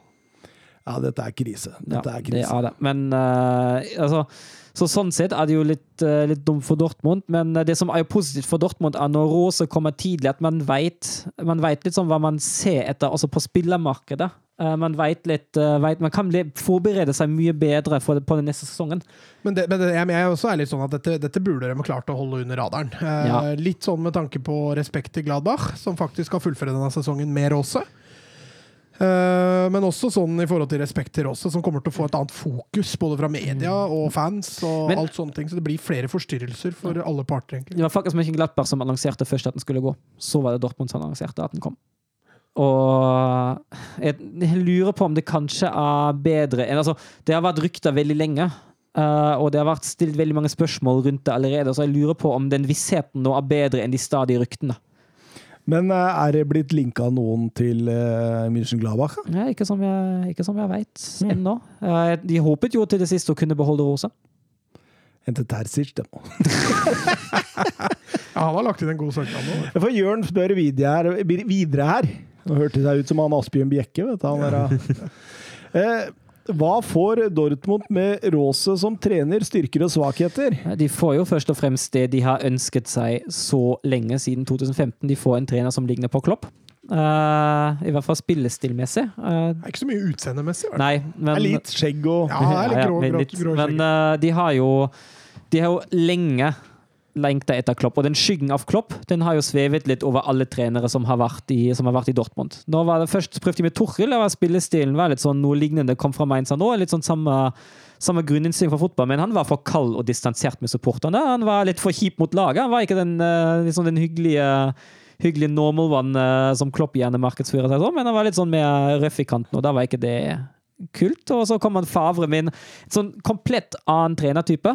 Eh, både, både menneskelig og faglig. Altså og Rose som ja, han er jo litt altså Han er jo, jo gegenpress. Han er jo, han er jo sterk, på, sterk på denne Leipzig-Salzburg-Klopp-spillestilen. Er litt svakere mot etablert, men med tanke på de gode individuelle spillerne Dortmund har, og kanskje fortsatt har neste sesong, vi får se, så kan jo, kan jo det se litt bedre ut. Jeg er litt bekymra for uh, Roses uh, kvaliteter i forhold til etablert angrepsspill. Ja. Han har vært litt alarmerende i år. Ja. Uh, han har vist litt, for altså I år sparker ikke Gladbach like mye nedenifra som det de gjorde i fjor. og Har blitt satt litt på prøve der. Ja, har gjort det, Så det blir, det blir spennende å se. Jeg er enig. Men, eh, men for all del. eh, Jeg tror også det hjelper Dortmund å bare få folk på tribunen igjen. Altså. Ja, det gjør det. Det gjør nok det. Den gule veggen, det er, det er plutselig bare blitt en sånn grå steinhaug de står og ser opp på der nå. Står de og klapper til Steinhaugen. Ja, Bayern München mot eh, Armina Bielefeld. Og, og eh, Bayern München var jo i Qatar, henta hjem klubb-VM der etter 1-0 mot Tigres. Eh, noe redusert pga. dette. Ja, var det Mulla som fikk positiv covid-test. Så ble ekskjæresten til Boateng funnet død, så han ble fristilt fra den kampen pga. det private der. Veldig kjedelig. Så er det jo eh, ikke av laget de stiller med Kimmich for en, eh, for en velfortjent hvilepause. Hæ, Choupo-Moting spiller jo! Ja. Nei, det, hvis ikke det var lag, så er Og nå vil de skrive ny kontrakt med Ja, han. ja, det. agenten er allerede på jobb, han! Ja, hvis ikke hadde City neste, blir jo ledig plassen over som Aguero er ferdig. Ja, ja, ja. Det, det, det kan godt hende han har prøvd seg der òg. Ja, hvem veit? Hvem vet? Men uh, det er litt, uh, litt vedpreg over dette Bayern-laget, og det ser man også. Altså, og det, det forsvaret de driver med. Altså, Sarr han er jo den svakeste spilleren med god margin på banen, og så kommer Syle på en god andreplass, og det er jo helt katastrofe det de to fabriserer der. Altså. Ja, det var klovner i kamp på høyresida på, på fryktelig forsvaret svakt, altså. Fryktelig svakt. Eh, altså, jo Altså, Niklas Syle er jo direkte skyld i to av måla. Ja, det er jo Sarr òg. Ja, ja, ja, kanskje tre. Ja. Sarr. Og, og, og det han gjør der på 3-1-skåringa, det, det, det er nesten flaut å se på. ja. Jeg blir parkert. Han blir bare parkert fullstendig. Ja. Han greier ikke å blokke innlegg engang. heller. Nei. Nei, nei. Nei. Det, er, helt, helt idiotisk ut. Ja. Og så ser det jo, det ser, det jo ut som at uh, snøværet det hjelper ikke akkurat Bayern med tanke på de offensive Nei, du så i andre gang var det jo grønn plen. Første Men- gang var det jo hvit. Men så deilig for Armina Bielefeld å komme dit, og så først så ser du så ser du lagoppstillinga til Bayern München, og så tenker du ja, OK. Ja, ok. Det, det, det, vi kunne møtt verre. Og så ser du snøværet komme, og så tar du ledelsen 1-0. Og, og 2-0. Og, så- og så må de begynne å stoppe kampen underveis for å måke disse. Altså, de, de, de slipper å legge seg ned for å dra ut tid og senke tempoet til og med. Altså, det er jo en voldsom oppgave de egentlig hadde, Bayern der. Ja, de hadde det, og jeg syns, jeg syns det Bielefeld gjør særlig godt, eh, det er at de klarer å ikke havne i én mot én mot Komma og Sané, i hvert fall i første omgang. Jeg står alltid med to spillere mot ballfører på kant, og da blir det vanskelig. Da blir det tøft. Bayern flytter ikke ballen, eh, ballen kjapt nok, Bayern vinner ikke kjapt nok, og Bayern kommer seg ikke i de én-mot-én-situasjonene med sine driblesterke kanter. Ja, altså, altså Når du da har ballfordelere på midten, som er Tolisso og Alaba, så har du allerede havna litt bakpå da, i forhold til det å kunne kontrollere ballinnehavet høyt på motstanderens banehalvdel. For du ser at der er det noen mangler, altså, som Kimmich bl.a. blant annet eh, kunne gjort opp for. Det var grei ball fra Alaba på kassa til uh, Ja, er Lewandowski. Det er. Lewandowski som er spektakulær der. Ja, Måten han tar ned den og vender og legger den. Ja, er, To touch. Du, Altså- du, du får ballen på kassa med ryggen mot mål, og så tar du to touch, og du eh, volleyskårer den i hjørnet. ja, altså, han som har han på draften sin, bør jo ha en fordel, da, tenker jeg. da. Sånn er det å velge først. Sånn er det å velge først. Du valgte Harry Kane, du velger, Le, valgte Lewandowski, jeg velger Lionel Messi. Får vi se. Du Burde ikke vurdere Benzema. Jeg kan jo ikke se bort fra verdens beste spiller gjennom alle tider. Åh, det var et deilig det Ja, men det, det, det mener jeg han Ja, er. jeg er. Ja, jeg mener at han er Det var godt vi fikk endt den diskusjonen. Jeg sender inn jeg, til aviser i morgen. men, eh, men etter Lewandowski så skårer Gebauer rett etterpå. Ja, og det, det er litt sånn, altså, man, men, sitter vi, men sitter jo i pausen, og det står 2-0. Og så tenker jeg at dette her igjen. Bayern. Og så kommer 1-2, og så tenker jeg ja, men dette her tar igjen. Og så kommer Bielefeld 1-3, og så tenker jeg «Hæ?» Men så skårer jo Bayern ganske kjapt, altså forholdsvis kjapt av sine to mål igjen, og så står 3-3 etter 70 med 21, og så tenker man ja, men dette her tar jo Bayern nå lett. 5-3, minst. Ja, noe sånt, ja. Og så er det jo Bielefeld som faktisk setter ballen i mål igjen, selv om det blir annullert, og det tror jeg Niklas Sula er ekstremt glad for. Ja, absolutt. Og at det blir 3-3 her, det er det bare Julian Nagelsmann som kan takke for, tror jeg. At han takker for Jeg tror Bielefeld kan Ja, takke jeg tror også litt. det. For Bielefeld er ekstrapoeng. Å ja, du tenker på at de var misfornøyd med at de ikke vant? Og jeg så det Ja, fordi de hadde kjempekjanse på slutten, og de leda 2-0 til pause og 3-1 godt inn i annen omgang. Altså, det er klart det at Bielefeld ser jo på det. Altså, det er bonus Det er sånn der, det blir bonuspoeng før matchen, men underveis i matchen Ja. så blir det en liten nedtur. Ja. Tror treneren der gikk inn i, i garderoben og tenkte liksom sånn Dette kunne Ja, vi tatt her! vi på Ja, ikke sant? Ja. Skulle vi slå Bayern på Allianz noen gang, så var dette kampen, liksom. Ja. Qatar og korona og snøvær og B-preg og, og lede 2-0 2-0 inn til pause og sånn. Du får jo ikke noe særlig større sjanse til å slå Bayern. Nei, jeg er enig med deg der. Eh, Sånn sett så føler de seg nok litt snytt, ja. Men uh, jeg tror nok når en får tenkt seg om, så er ett poeng på alle. Ja, ja, ja. any day uh, OK. Når man gjør regnskapet, søren, da er det greit. Ja, og særlig fordi uh, både Mainz og Schalke tok jo ett poeng de òg. og da er det enda viktigere for Bielefeld å holde avstanden til dem. Særlig, fordi, den, særlig den til Mainz eh, lå jo unna i Leverkosen fra etter 88 minutter med 2-0 og klarte å karve til seg ett poeng der òg. Så greit for Bielefeld å slå tilbake med uventa poeng. Ja, men Leipzig knappa innpå litt òg. Fikk jo to det. poeng inn på Ja. Bayern. Er jo fortsatt et lite stykke opp, men eh, De har jo fortsatt et innbyrdes oppgjør. Ja, de skal jo møtes igjen, ja. Ja. Men eh, jeg ser heller at Leipzig snubler flere ganger enn Bayern. Ja, det gjør jeg òg. Men altså han nå med Opamecano som mentalt spiller der, så han Nei, I hvert fall så lenge, Bayern, så lenge Bayern kan bruke noenlunde de beste spillerne sine. Men man ser jo nå at den- det B-laget det er ikke det beste, også. De har ikke kjempe... Altså det, det, det så man jo også Ja. når, når Goretzka og Kimmich var ute der rundt nyttårstider og sånt, at det, eh, det går litt løs på altså, De vant Champions League sist sesong, og, og laget de stilte da i den altså Kall det gjerne cupen som ble arrangert på slutten der pga. korona. Det var jo så å si toppa lag. Det var nesten ikke skader, og det var mange spillere i god, god form. Jo, jo, men så mener jeg også at det er forskjell om du kan da bytte inn eh, Perisic el- istedenfor Douglas Costa, eller Ja, for Douglas Costa Douglas Costa, er katastrofe, altså. At de gikk på den feilen en gang til. Ja, altså, men altså, helt, helt, helt generelt, det overgangsvinduet Bayern hadde nå forrige sesong altså, Først kommer alle spillerne kjempeseine og begrunner det. Han, eh, Salih Hamidzic, han sportssjefen, begrunner det med at nei, vi hadde jo spilt uh, Spitcher League-finalen, så fikk vi forberedt oss ordentlig til innkjøringer. What? Altså, det, det, det gir jo ingen mening, den begrunnelsen her. Og så kommer det sånne figurer som, eh, som Serr og og Douglas Costa. Altså, unnskyld meg, da. er vinner Champions League og henter Serr og Douglas Costa. Jeg sier det, jeg sier det igjen, jeg kunne henta Baco for 10 millioner fra meg. Så han er bedre enn en, uh, Serr, altså. Han For all del. For all akkurat del. nå altså bedre enn uh, Pavard. Da kunne det hete La Croissant. Ja, faktisk. La Crossa, Heter den ikke det? Jeg vet ikke, jeg har ikke, jeg har ikke A i fransk. Jeg har du? Maxence Lacra. Tydeligvis. Lacra? Lacra. Lacra? Lacra? Lacra? Men ja, nei, det, det B-laget altså, den- den- Som Mats sier, den bredden, bredden til uh, Hva er det nå? Er det ikke tall nå karakterer? Hæ? Er det ikke tall? Får du ikke sekser? Eller er jeg gammeldags nå? Jeg veit ikke. Nei, fortsett du, Søren. Nei, den, den, den bredden, bredden i det Bayern-laget det er ikke bra, men så lenge, altså, så lenge de kan bruke noenlunde, noenlunde A-laget, da er de fortsatt soleklare favoritter til å ta det her. Napoli, Juventus, og da er vi i eh, støvellandet Italia og Serie A. Og det, det var en kamp jeg gleda meg litt til, faktisk. Eh, Gattuso mot Andrea Pirlo. Det var som en god Milan-midtbane, det, med midten av 2000-tallet. Sist gang de møttes, altså da som spillere, selvfølgelig, det var Reggiana mot, Ita mot Milan, mener jeg, i 19, nei, 2000. Og da skårte Andrea Pirlo på frispark for Reggiana. Det var siste gang, ellers så gikk jo de nesten hånd i hånd, både på landslag og klubblag, og, og, og- en særlig nydeligere og mer balansert midtbane enn de to. Det, det finner du knapt. Nei, det var Gattuso som spant rundt, vant ballen og ga den til Pirlo. Ja, ja, nydelig, nydelig.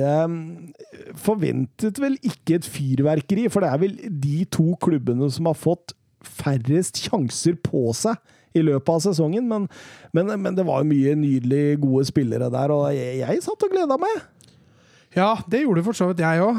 Det var eh, to sexy lag. eh, Riktignok Napoli med et par eh, par forfall, spesielt i midtforsvaret der, men eh, Juventus kom jo relativt eh, klare til den eh, matchen her. Eh, De likt fikk jo annet prøve seg igjen fra start. Men det er en annen midtstopper som kommer i fokus der, når han Kilini, ja. ja, Han fikk straffe imot seg, han. Det gjorde ikke Diagne, holdt jeg på å si. På I sin 400. Serie A-kamp eh, så fikk han eh, et straffespark mot seg. En albue på Ramani, var det vel? Ja, og den, altså Når først dommeren der velger å gå til skjerm, så skjønner du at det blir straffe. Eh, Men den kunne også fort ha fått passere. Problemet er at du ser at Kilini ser en og én vei, og så stikker han hånda oppi, og det, det ser litt sånn suspekt ut. Og så blir han løpt ned av Stensny rett etterpå der òg, så han, det er ikke rart han lå der og skreik, egentlig. Eh, men eh, Lorenzo Insigne han setter straffen eh, i mål. Han hadde jo et lite sånn Juventus-mareritt på straffespark. Han har bomma på fire straffespark i hele sin karriere. Ett mot Besiktas og tre mot Juventus. Så Så han prøvde igjen. Han prøvde igjen. Det skal han ha for. Så Ballsy å sette den så høyt, da. Ja, ja, ja, det var strålende. Eh, Det var helt nydelig, faktisk. Og jeg satt og holdt litt med Napoli i denne kampen, jeg må innrømme det. Ja, altså Juventus var jo det beste laget. Eh, For all del. For all del. Så det var eh, kanskje litt flatterende at eh, Napoli vant til slutt den matchen her, men eh, gøy var det.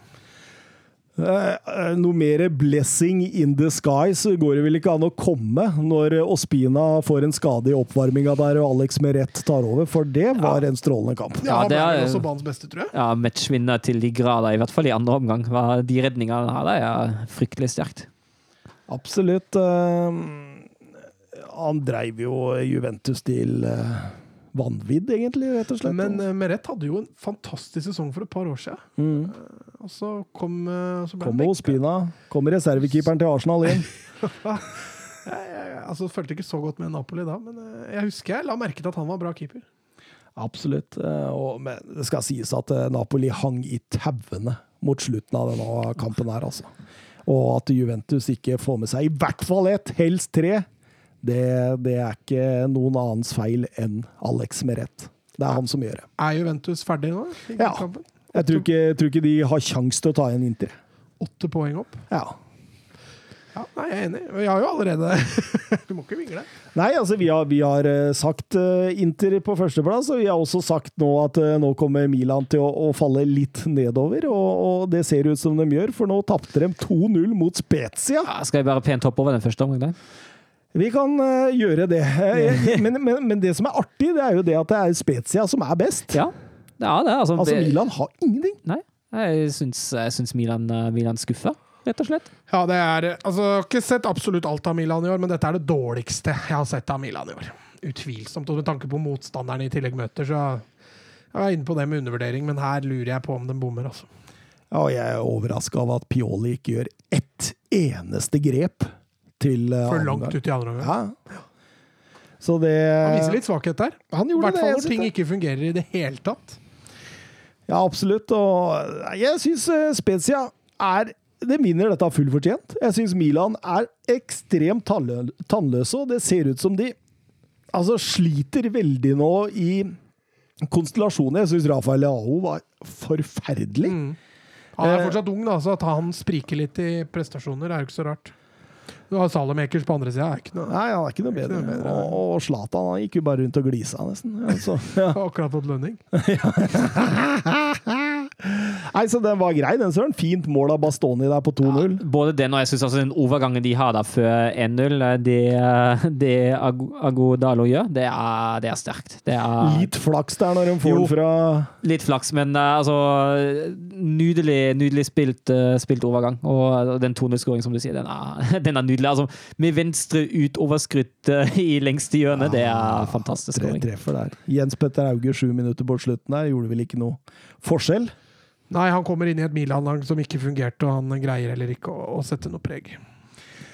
Milan fikk ikke registrert ett eneste skudd på mål. Sist det skjedde, var mot Odinese så langt tilbake som i august 2019, så øh, det har gått en stund siden sist. Ja da, det har det. Ehm, og så kan man jo se litt på, på totalstatistikken. Altså fra i fjor, når de begynte å ikke tape kamper, så har Milan tapt tre kamper nå på et år i Serie A. Det er fortsatt en brutal god statistikk allikevel, altså. Så leder de ikke serien. Det er faktisk 400 dager siden på den dagen der, eksakt siden Milan tapte sist bortekamp. Så det er jo klart det, men jeg syns du ser noen sykdomstegn nå der, altså. Ja da, du gjør det. det er litt, jeg skal ikke si det er mett, men, men det ser litt sliten ut. Mm. Og nå skal de i gang med Europaligaen, så det skal bli spennende å se hvordan de prioriterer framover. Og da Altså Juventus-tap, Milan-tap. Alt lå til rette for uh, Antonio Conte, søren. Ja, og han uh, tok den sjansen som bød seg, og får en kamp av Romelo Lukaku. det er Romelo Lukaku mot Lazio, for Ja, det er det er egentlig det. Lazio som er best der. Ja, det syns jeg òg. Skuffende at uh, Altså Heldig for, for Conte at han har Lukaku der, altså. Ser du den derre ah, Det er så nydelig når han rykker fra. Er det på 2-0? Mm. Den kontringa der, hvor han bare Han parkerer Lazari, er det vel? Uh, nei, nei, nei, han parkerer Parolo. Parolo, det er Parolo, på på treen, ja. Mm. ja. Det den, er, den er så sjuk. Ja. Den er så sjuk. Det rykket der, og bare sparker ballen fra og bare løper. Og du kan si det at Parolo kanskje er Han er ikke den raskeste på banen der. Men eh, jeg tror ikke det hadde spilt noen rolle hvem det var der nå, for eh, den hadde Lukaku bestemt seg for, og så var han jo verdens hyggeligste mann. Når han Det har vært mye hyggelige folk i runden her. Veldig mye hyggelige folk, søren! Ja, plutselig. ja. Altså, my- hyggelige folk og gode keepere. Det er sånn den, eh, den runden her. Si det til Ellison. ja, OK, greit. da. Inter er sterke hjemme. Tall tilbake til Mourinho-tida for å finne lignende tall hjemme. Så dette er jo en fordel nå med Conte. ja, Og det at, det at de har greid å gjøre Giuseppe Miazza til et fort igjen, det kommer til å Det er avgjørende for at de tar gull i år. Og så er de liksom altså De er en sånn blanding av uh, Atletico Madrid og uh, Manchester United. Det er liksom litt sånn Ja, altså, altså De er Atletico Madrid når de må, og så er det Manchester United når de må. Med det med overgangsspill og alt det der. der.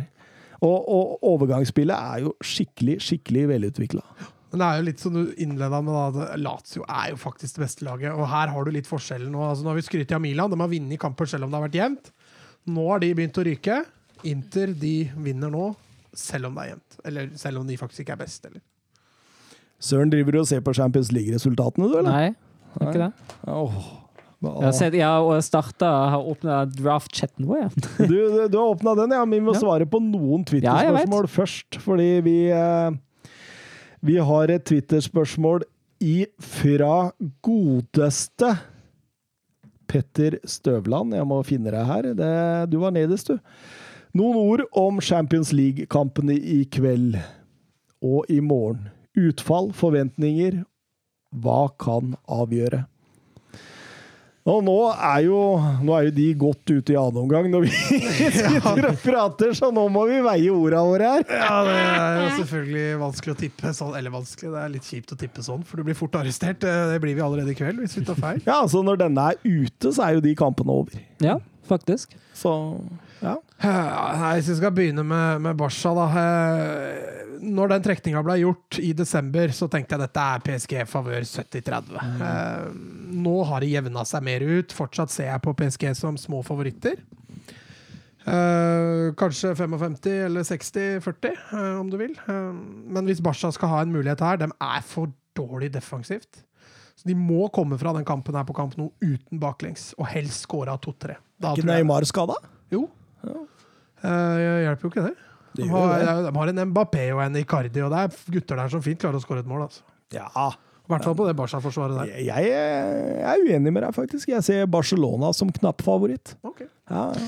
Ja, jeg, jeg var jo enig med Mats. Jeg tror at Da vi gikk gjennom den, eh, den runden her før jul, da det ble trukket, da tipper jeg vel på PSG. Men jeg er enig i at det har jevna seg litt ut, både fordi jeg syns Barcelona har kommet seg litt, og fordi jeg syns PSG ikke har vært så overbevisende som jeg trodde de skulle være. Nei, og så ser du på PSG-statistikken i, la- i ligaen, så, så slipper jo de også inn mye mål. Og de har jo ikke vært suverene sånn som de har vært de siste åra. Altså det- de har jo tapt seg litt, dem òg, så at det der blir en jevn batalje. Så håper hjertet mitt selvfølgelig på Barca, men hjernen min eh, sier at dette ikke går. Altså. Pochettino hater Barcelona, vet du. ja, jeg vet Det hjelper jo ikke, han skal jo ikke spille.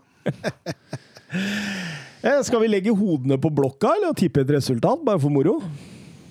Ja, jeg tipper eh, 2-1 til Barca. Det gjør jeg jo. 2-1 til PSG. Åhåhåhåhå. Snakke litt om eh, Leipzig-Liverpool. Det er jo to lag som på en måte Altså, det er to lag som har vært spillemessig bedre tidligere i sesongen. Enig. Uh, og jeg trodde jo det skulle bli eh, ganske givende. Jeg sa vel at jeg hadde lyst å si at Leipzig skulle ta det, men at jeg tror Liverpool gjør det. Og jeg er litt sånn fortsatt deg. Jeg holder også Liverpool som, uh, som knepne favoritter. Jeg syns ikke det er stor forskjell der heller. Jeg, også det, jeg tror også det blir uh, marginer som, uh, som avgjør deg. Men jeg holder fortsatt en liten knapp for Liverpool også. Ja, det er litt sånn der òg. Altså, når den trekninga her ble gjort i desember, så var Liverpool ganske store favoritter. Eh, men så har formen til Liverpool gjort at det der blir mye jevnere. Så jeg holder også Liverpool som knappe favoritter, men eh, et resultat er eh, 1-1. det har jeg òg. 0-1. Porto-Juventus i morgen. Ja, Porto har hjemmebane, har de ikke? Jo, men de har, eh, de har fire strake uavgjort nå, Porto. De har ikke eh, vunnet siden de vant mot eh, Rio AV i 1. februar. Ja, altså er jo sluttspillet er jo Ronaldos game. Nå har han vel bare et par kamper igjen opp til, til Iker Casillas med flest kamper i Champions League, så han tror jeg avgjør det der. Jeg tror det blir 3-1 til Juventus. Jeg tipper 2-0 Juventus. Ja, 2-0 Juventus er jeg enig i. Jeg har, eh, har tro på at Juventus klarer dette i hvert fall ganske greit over to, eh, to eh, perioder. Ja, eh, de har jo fått den letteste motstanderen. Og så er det Sevilla mot eh, Erling Braut Haaland. Og da hadde jeg snudd helt, fordi da det, da det ble tråkket, hadde jeg holdt Dortmund som favoritter, men nå holder jeg faktisk Sevilla som favoritter. Altså. Mm. Jeg gjør det. Det Sevilla syns jeg ser fryktelig stabile ut, og Dortmund ser fryktelig svak ut om dagen. Altså. Nei, altså Det må en Haaland på jobb og en Sancho på jobb hvis det der skal gå. Eh, hvis de holder det nivået de har gjort de siste ukene, så, så, så kommer Sevilla til å ta det. Eh, så det avhenger veldig av de to gutta. Hvis jeg skal tippe et resultat, så tipper jeg 2-0. Ja, jeg er enig i det. 2-0 Sevilla. Jeg tipper 1-0 til Sevilla. Eh, Jonathan Hobber. Det er jo en kjent eh, person i vår podkast. Lokalkjendis. ja, lokalkjendis her på Strømmen.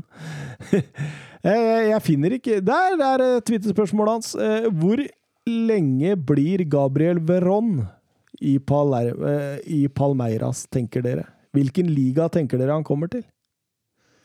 Nei, jeg håper han går til Spania, selvfølgelig. Men eh, kan fort bli Italia. Det er litt sånn der snarvei for brasilianere over til Italia. Eh, de med mest muskler nå, økonomisk, er jo selvfølgelig England. Så det blir jo Men det er ikke så ofte du ser brasilianere gå rett inn i Premier League. Altså. Nei, nå har han jo blitt heftigst linka til Manchester United, da. Ja. Uh, var det jeg eller du som hadde han på den lista? Jeg, han står på Jeg lista tror, vår. tror, tror det var du. Ja. Han er jo en ufryktelig artig spiller, da. 2002-modell? mm. han det er jo snart så han er i alderen til å dra til Europa nå. Ja, absolutt. Kantspiller. eh, Kan spille på begge. Blir kalt for Bolt innad i Palmeiras eh, pga. hans eh, lynende hurtighet. Kanskje vi får en Boltinho? Det er bedre enn Usain Inyo, i hvert fall. Usain Inyo, ja. Men jeg, jeg syns jo han ligner litt på Real Madrid Rodrigo. Lite grann. Så spørs det jo om Er han dum nok å velge Real Madrid, så Så kan, fordi Rodrigo gjorde det. Ja, men altså, Rodrigo og Venitius De må vekk hvis det skal bli noe, altså. Det der, der det, det holder ikke, altså. Men, jeg- men jeg, jeg Jeg skulle likt å sett den i sånn type Betis. Litt sånt. Ja. Altså, vi, Wolfsburg, Wolfsburg trenger kanter. Jeg tar den. Ja, Og i hvert fall hurtige. ja, ja, det er gæren. Men altså, Leverkosten har jo vært flinke til å hente spillere fra Sør-Amerika. Ja, Klausulen hans ligger på 53 millioner euro. Nei, det kommer ikke til å skje i Wolfsburg. Selge en Babu da, til Bayern. Ja, det er Nei. Mbabu Ja, Eller ja, Baku. Jo, Baku Nei, he, vi helt spor begge to. Baku hadde jo kommet inn på det Bayern-laget. Ja, lett, Han er bedre altså. enn både Pavar og Ja, det var det jeg sa. Ja. Ja, ja. Sarr. Der hadde jo vi gått inn. Ja. Bare få bort noen kilo først. Skal vi gå gjennom eh, Bundesliga-draften vår? Yes.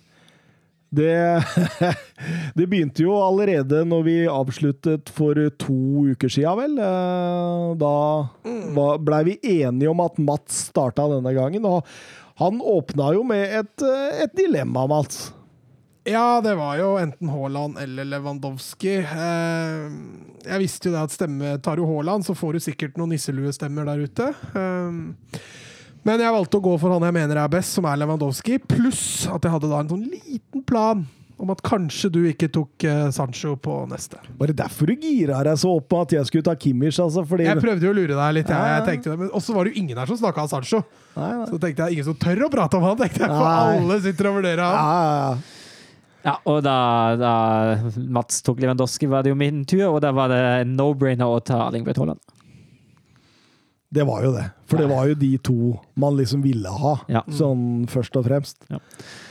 Jeg, eh, for min, for min de, situasjon da, så måtte jeg begynne å tenke åssen skal jeg bygge laget? Hvor er eh, det er god dekning, dårlig dekning for flere gode valg? Eh, Det sto rett og slett mellom Kimmich og, og Sancho.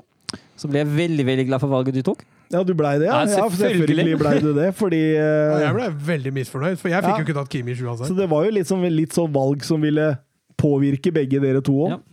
Men jeg gikk for Sancho, uh, rett og slett for X-faktoren. Og fordi at eh, jeg tenkte det at det var bedre spillere igjen i, i Bayern München hvis uh, Kimmich ble tatt neste. Og da endte du på hvem i Bayern da? Noi. Ja, Ja, men den syns jeg er fin. ja, ja. Nei, det er beste keeperen i Boston. Ja, men altså, Bare å ha en Noyer baki der, så har du jo verdens beste keeper per dags dato. da. Er ikke det vi stemte for Oblak, jo? Ja, men det er, det er, det er close. Nei, vi fortsetter. Jeg gikk for Sabitzer. Eh, tenkte da må jeg kapre han, i hvert fall. Eh, hadde jo ikke muligheten til å gå for noen flere Bayern-spillere. Eh, jeg var selvfølgelig litt sånn hvem jeg skal ta på, på Leipzig, for jeg vurderte stopperne der òg. Eh, både Upamecano og Orban og Konaté, men valgte at eh, nå, siden det gikk så jækla dårlig Jeg tenkte jo defensivt i Premier League, Mm. her skal jeg kjøre offensivt. Så da ble det Sabitzer. Ja, og Da var det en ny no-brainer for meg. Da ble det Joshua Kimmich. Det måtte jo bli det. Og da så jo jeg de to beste sentrale midtbanespillere i Bundesliga forsvinne på Det, var, jo en time der. Hvor det bare røyk eh, fra der. Så da, da fikk jeg litt eh, hetta. Men samtidig da, så så jeg det at jeg fikk all verdens tid med Bayern München, for dere hadde valgt uh, begge derfra. Så da kunne jeg legge de på is, og så henta jeg den beste midtstopperen som ikke på en måte spiller i de aller største laga, Mathias Gynter. Ja, han er vel en av de beste i Bundesliga. Ja, det mener jeg helt klart. Jeg fortsatte å dyrke offensivt, så jeg gikk jo for Fundu. Litt fordi jeg mener han er en av de aller beste høyrekantene, men også litt fordi jeg visste du ville ha han, Thomas. Så da tok Mm. jeg fortere meg til han. Ja. Ja, og Da ble jeg litt lei meg, fordi han ville jeg òg. Men eh, da, da, da brukte jeg litt tid. Da måtte jeg tenke. Eh, Det gjorde du! ja, det var flere situasjoner der jeg brukte litt tid. Du tenkte et døgn, du, Søren. Tenkte et døgn. Ja, det Eh, og så kom jeg faktisk fram til et valg du syntes var spennende, Thomas. Ja, jeg hadde ikke sett den! Nei, jeg tok eh, Florian Wirtz ut på venstre. Jeg ser jo nå i retrospekt, for jeg hadde egentlig en plan om å dytte Arnold inn sentralt. eh, eller eventuelt finne en annen sentral midtbanespiller. Jeg ser jo sånn i retrospekt at jeg kunne ha brukt han som jeg endte med sentralt ut på venstre, og satt Wirtz sentralt òg. Men jeg syns Wirtz er en fryktelig kul spiller. eh, og hvis jeg måtte velge en spiller fra Leverkosen, måtte det bli ham. Eh, jeg syns han eh, presterer jevnt, eh, jevnt over godt. Han har fantastisk potensial, og jeg syns han er helt nydelig. Er jo en eh, neste Havertz, altså. Mm, mm. Men om han gir så mye gjenhør allerede nå, det spørs.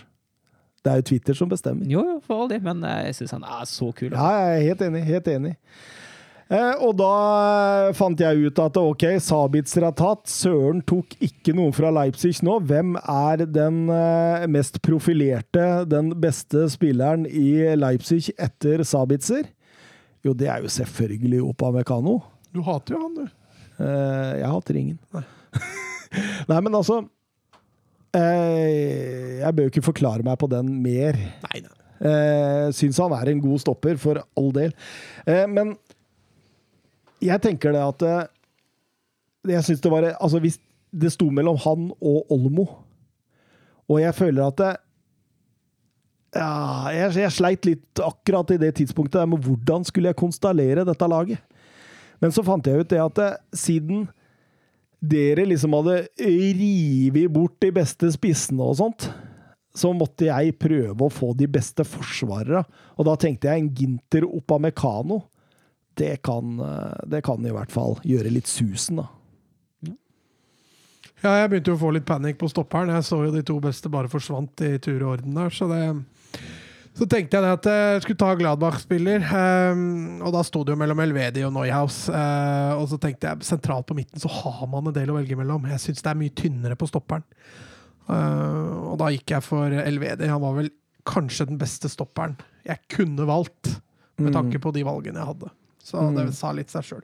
Pluss at da blokkerte jeg jo den for, for Søren i forhold til Gladbach. Ja, det gjorde det. Uh, hadde vært mitt uh, neste valg, men så begynte jeg å tenke. Jeg tenkte ok, dere har kommet langt på midtstopperplassen, nå er det litt sånn har, Det er en god nok pool med stopper igjen. Så begynte jeg å tenke problemposisjoner. Uh, og så fant jeg egentlig ut av at bekkene det er litt av en problemposisjon i Bundesliga. Uh, så egentlig mest mot høyre bekk. Uh, begynte å fremme seg en liten tanke om Angelinho på venstrebekk allerede da. Uh, men høyrebekken slet jeg veldig med, og da ble det den som jeg mener er en av de beste høyrebekkene i Bundesliga akkurat nå, det er Ridle Bako. Men at ja, jeg kom, kom, godt fra det med, den, med det valget der, altså. Absolutt. Absolutt. Og jeg syns det var Så overraska du? ja. Men dette, det var ikke en spiller jeg hadde på radaren engang. Dette, var, dette er en spiller jeg alltid har digga hver eneste gang jeg har sett den. Han er en uh, Det er ikke noe så sexy over ham. Nei, men han er beinhard og rå. Og, og, virkelig liksom en sånn spiller som kan balansere. Han er duellsterk. Han Hei, hei, hei, Samaseku i, uh, i Hoffenheim.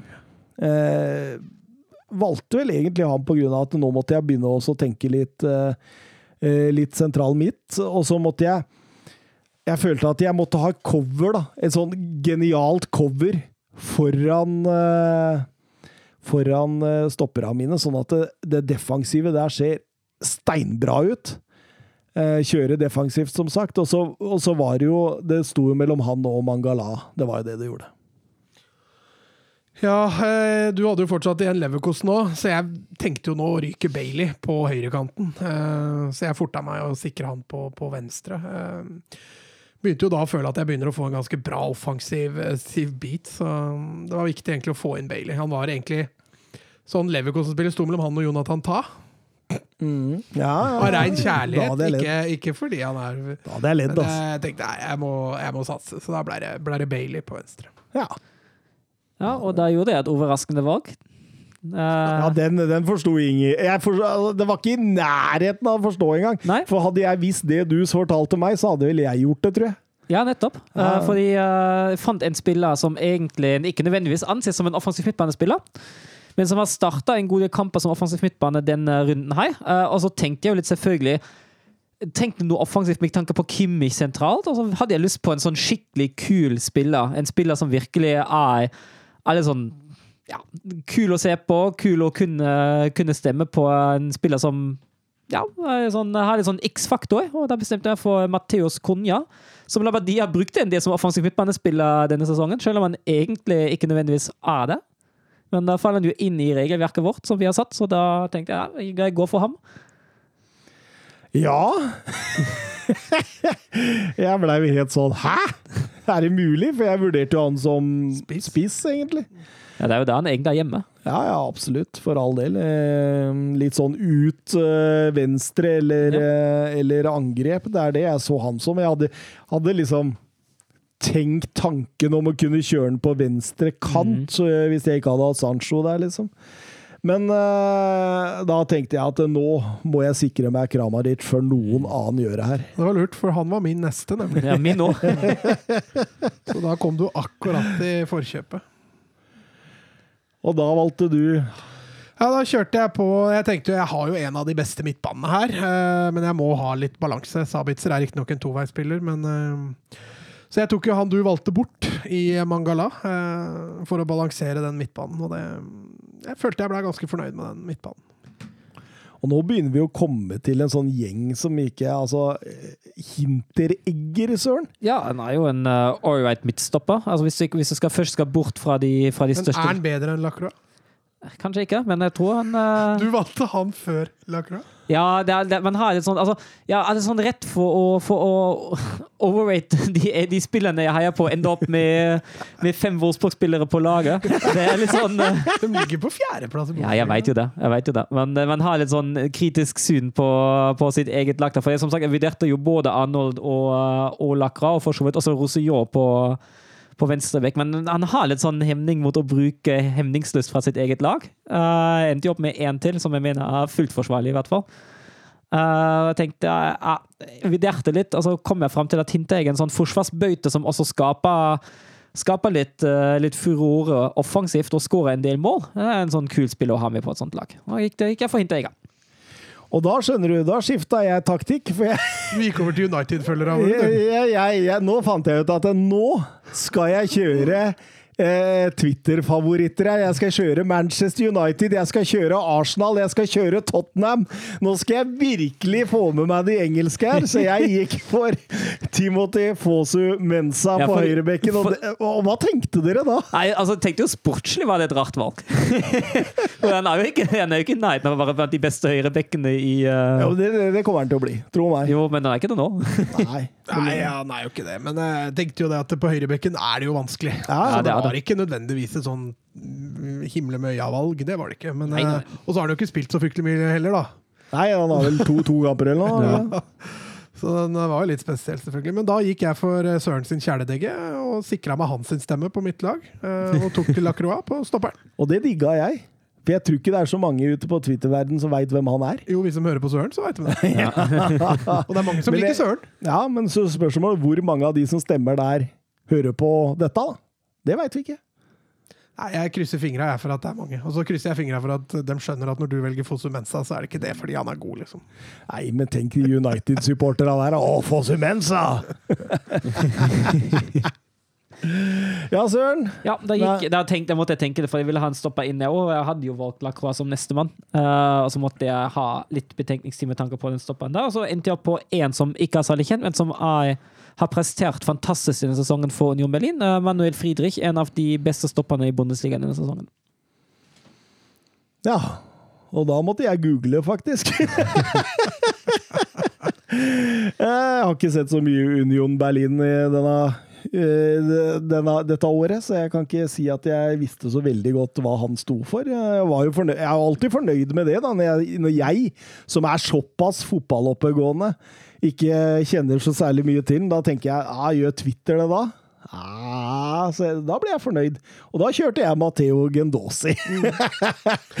Han har, altså Innhoppet han hadde mot Bayern, var jo Ja. strøkent. Altså, har han jo vært bra i Arsenal, så det var jo Han har jo et toppnivå som er ganske ekstremt. eh, Det er helt riktig. Så legitimerer det valget, det. Og da, Mats Ja, nei, da tenkte jeg nå skal jeg sile spissen. Det er fortsatt eh, i mine øyne to å velge mellom. Det var, eh, det var Silva, og så var det Vegårs. Det var de to som ligger nærmest Haaland og Lewandowski på toppskårerlista. Og, og gikk for, eh, gikk for Vegårs. Tenkte det at med Lewandowski der, og så ha en litt stor, sterk spiss som kan krige litt ved siden av. Ja, det, da du tok Weghorst, fordi det hadde jeg jo også fort, eh, fort gjort. Eh, jeg tenker, ok, Det er ikke så mye hast på spissplassen. fordi uh, altså Jeg er enig med André Silva, hadde vi hatt ham høyere òg, men jeg tenkte altså, Luka Jovic er altså et helt greit alternativ der. Han sitter på benken, da. Ja, han gjør det, men han er litt sånn Han er jo en, Twittermann, da. han er jo en god spiss for det, da. Han er jo det. Uh, men da vil jeg gjerne ha den, etter min mening, uh, nest beste, eller beste nå tilgjengelige keeperen for meg, og da tok jeg Kon Castells. Og da frir jeg til Tottenham-supporterne, jeg, og, og kjører på videre med Ryan Cezinho. Ja, og da tenkte jeg nå må jeg sile keeperen min nå. Eh, Det var jo egentlig ikke noe hastverk med det. Fordi eh, Jo, det var det, for du hadde jo ikke en Bayern. Det var derfor jeg tenkte det. Jeg, tenkte, jeg trodde jo ikke du kom til å velge Noyer. Nei? Men uh, tok Kobel fra, fra Stuttgart. Uh, ble en, egentlig vært en meget god sesong, i likhet med Stuttgart-laget. Absolutt. Ja, og da var det, Jeg hadde jo bare eh, Leipzig, Mönchengladbach og en spiss igjen, eh, og da ble det André Silva, målmaskin eh, i Frankfurt. Står jo nå med 18 skåringer. Fantastisk. poeng. Ja, han har vært strålende, i hvert fall i 2021. Ja, han har virkelig, virkelig holder jo. Jovic på benken òg. Gjør det. Spørs hvor lenge, da. Ja, helt til nå. Jeg, valgte jo selvfølgelig Luka Jovic, eh, først og fremst pga. navn. eh, fordi jeg fant ut at, eh, som jeg var inne på, at jeg kom ganske langt bak dere på de, det første valget, av at dere kunne velge disse to superspissene på topp. Så eh, jeg, jeg Underveis her så fant jeg mer ut av at her må vi gå for kjente, kjære, gode navn. Og Luka Jovic, han eh, Det bor mye fotball i han fremdeles, altså. Ja utvilsomt. Og hvis jeg ikke hadde stemmen til Søren før, så hadde dere i hvert fall nå. Var, var, det, var, det, var det, nei, det var, var ikke tre Wolfsburg på rad, det var tre av fire på rad. Det kommer Ja, jo ja, Wolfsburg ja. i øst og vest men, her. men altså, på høyrebekken sleit jeg. Jeg også vurderte jo nemlig Fosu Mensa eh, på høyrebekken. Eh, og Mbabu er jo faktisk høyrebekken til Wolfsburg, for Baku spiller jo Mm. høyrekant. Ja, han gjør det. Så Mbabu blei valget på høyrebekken. Og da, da, da tror jeg Søren blei så fornøyd med deg at eh, Ja, han holdt blir, på, skikkelig fornøyd. holdt på å invitere deg på en sånn klubb med mannsdominert miljø. Nei, jeg, jeg blir glad. Jeg finner at noen andre velger Wolfsburg-spillere. Til sammen fem Wolfsburg-spillere i den draften. Det er ikke så ille, det her. Men uh, da hadde jeg jo bare å plukke fra mine de to spillerne som jeg hadde sila i tankegangen min eh, tidligere. Først blir Angelinho Venstrebekk. Han har jo vært fantastisk som venstrebekk for Leipzig, så det er ikke noe tvil om at det er en eh, god spiller å velge. For all del. eh, Jeg tenkte ha, Jeg må ha noe på høyre kant. Og hva er å stå Ok, jeg kan kjøre Serge Gnabry. Men så tenkte jeg «Ah, Nei, vet du hva? Fordi nå har jeg skaffa meg såpass mange av disse Twitter-navnene. Sånne gode, kjære, kjente, nydelige navn. Nå kan jeg kjøre Noyer og bare spikre den der gode defensiven min. Og så kjører vi Ilias Bebo, som jeg har uh, syns er en utrolig artig fotballspiller å se på. En sånn X-faktor-spiller som har nada sluttprodukt, men Hvis ikke han blir boksa i huet. ja, Marvin Hitz ga han sluttprodukt i denne runden her, men uh, ja. Ja, da ble jeg sittende igjen med det jeg mener er i hvert fall over tid den beste venstrebekken. Og, og litt sånn Dortmund da når Sancho Haaland var borte. Så er det ikke så fryktelig mye sexy igjen der lenger. Altså, Hummels eh, Jeg var lenge på han bare for navnet, men uh, endte opp med å ta Gureiro da for å spikre venstrebekken. Ja. Nei, det er mye Glappar-spiller igjen. Jeg trengte en høyre kant, og da valgte jeg Jonas Hofmann, som jeg syns har spilt en eh, formidabel sesong denne sesongen for München Glappar. Og jeg mangla keeper, og kjørte Manuel Alexander Neuer. Nybel. Ja, det hadde vært rått. Ja, det er Det hadde vært rått. Nei, så da mm, Mats, du kan jo lese opp laget ditt. Ja, jeg har Kobel i mål, eh, Mbabu på høyrebekk, Lacroix og Elvedi på stopperen, Gureiro høyrebekk, nei, venstrebekk. Silas Fundu eh, og Leon Bailey på kantene, Sabitzer og Mangala på midten, og Leva og Vegårst på spessen. Solid og balansert. Jeg syns det var veldig balansert. Det er bedre balansert det der enn eh, det jeg fikk til England, i hvert fall. Søren, Jeg har Kohn Castells i mål, Ridle Bako høyrebekk, Martin Hinteregger, Manuel Friedrich stoppende, Angelinho venstrebekk, Jonas Hofmann på høyre kant, eh, Joshua Kimmich og Mateos Grunja sentralt. Venstrekanten min er jo Florian Wirtz, og spissene Erling Braut Haaland og André Silva. jeg tror du drar mye Haaland-stemmer, ass. Mye nisseluer der. Mye Jeg vurderte Sørloth òg, nemlig. Mm. Bare for å få nei, Kanskje ikke så mye Sørloth-nisseluer der ute. Jeg da blei stående med Manuel Neuer i mål, med Opamecano og Ginter som eh, stoppere, og Fosu Mensa og Cézinho på hver sin bekk. Eh, Gendosi og Samaseku eh, sentralt på midten. En utrolig balansert, hardtarbeidende midtbane med litt sånn X-faktor. Mye 0-0-kamper på det laget. Det hører jeg allerede nå. faktisk. Eh, en Bebo og en Sancho. For noe vil bospill. Han må sentre, i hvert fall. Kan ikke la han skyte. på hver kant, og Kramaric og Jovic på topp. Og jeg syns jo dette laget her ser veldig bra ut, jeg, da. Det er, du har eh, solid defensivt fundament med to relativt gode offensive backer. Du har eh, sentral midtbane de ikke er lenk- enkelt å komme forbi. Du har X-faktoren i Sancho, og du har kontringsspilleren i Kramaric. og duellspilleren i Jovic. Jeg hadde solid lag i England, det funka ikke. Jeg syns jo de lagene vi har nå, er ganske jevne, altså. Jeg syns det. Ja, men jeg sa jo det, det ble, dette her ble jevnere enn i Premier League. Ja, det blei det. det, ble det. Eh, Jeg tror denne, dette her kan gå hur som helst, tror Ja. jeg faktisk. Ja. Jeg tror det. Eh, Jeg kjenner ikke det norske på en måte Bundesliga-publikummet så godt. Ja, altså kunnskapsnivået, hvor ja, det ligger Hvor ligger det? Veit de hvem eh, Samaseku. Friedrich og Samaseku og, og, og Lacroix Lacroix? Lacroix? Lacroix? Veit de hvem disse spillere er? Det, det jeg veit ikke. Jeg veit ikke. Det blir spennende. Hvis du sitter da og skal bedømme noe lag, og så ser du masse spillere du ikke kjenner igjen, da velger du det laget du har masse spillere igjen. Og, og eh, Gendosi jeg tror, eh, sånn, de, jeg tror den taktikken kan gi meg noen stemmer, da. Mulig. Men uh, at, de, at jeg offensivt ligger litt bak dere, det gjør jeg. Men så ligger jeg foran dere defensivt. Så i hvert fall den beste keeperen by far. Og stoppepar. Det er jeg enig i. Og Bek- ven, be- venstrekant. Ja, men bek bekkene er litt uh, så som så, da. Nei da, nei da, nei da. Se på kvalitet. da. Går for navn. Hæ? Det går for navn, ikke kvalitet. Nei, men, eh, men Cézinho er jo er jo en bra spiller. Ja, kommet seg er OK. Ja, og det, det, jeg tror altså Han er jo i eh, fremtidsplanene til Tottenham. Eh, utvilsomt, liksom. Han Ja. la vel et intervju her nå. så eh, Altså, at den har potensial, definitivt. Altså Ben Davies Jo, er jo, men mange, det mange som er bedre enn Ben Davies, da. Ja, ja, for all del. For all del. Men veien er ikke så eh, lang. Og Timothy, Timothy Fosse Mensa. Tror jeg skulle Timothy Dahl, jeg. Han har noen sesonger bak seg, han. altså I Crystal Palace, der hvor han spilte strålende. I, har hatt mange gode kamper for Manchester United òg, så det er ikke noe dårlig høyrebekk, det. altså. Nei, nei, nei. For all del. Jeg tror ikke han står noe tilbake for Mbabu. Jeg tror ikke det. Ok. Det veit jeg ikke om jeg er Nei, enig i. det er ikke jeg enig i heller. Nei, nei, nei. nei. nei. Jeg syns det er mye mer offensiv driv over Mbabo enn uh, Fonso Mensa.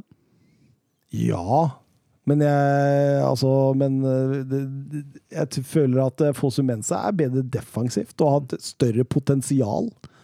Ja, det kan godt hende, men uh, Det føler jeg absolutt. Han skal spille 0-0, hører du ikke ja. Nei. Ja, ja, bare angrip han som velger sist, dere. Bare gjør det. Ja, da gjør vi det. Skal vi eh, si farvel, eller? Vi må jo se hvordan disse lydfilene Ja, har det blir gått. spennende. Kanskje det ikke blir noen episode. Ah, kanskje vi har sittet her og prata for tom mikrofon? ja, men da hadde vi det i hvert fall hyggelig sammen, da. Ja, vi hadde det. Vi får se det positive i det. Vi høres neste tirsdag. We Ha det. talks.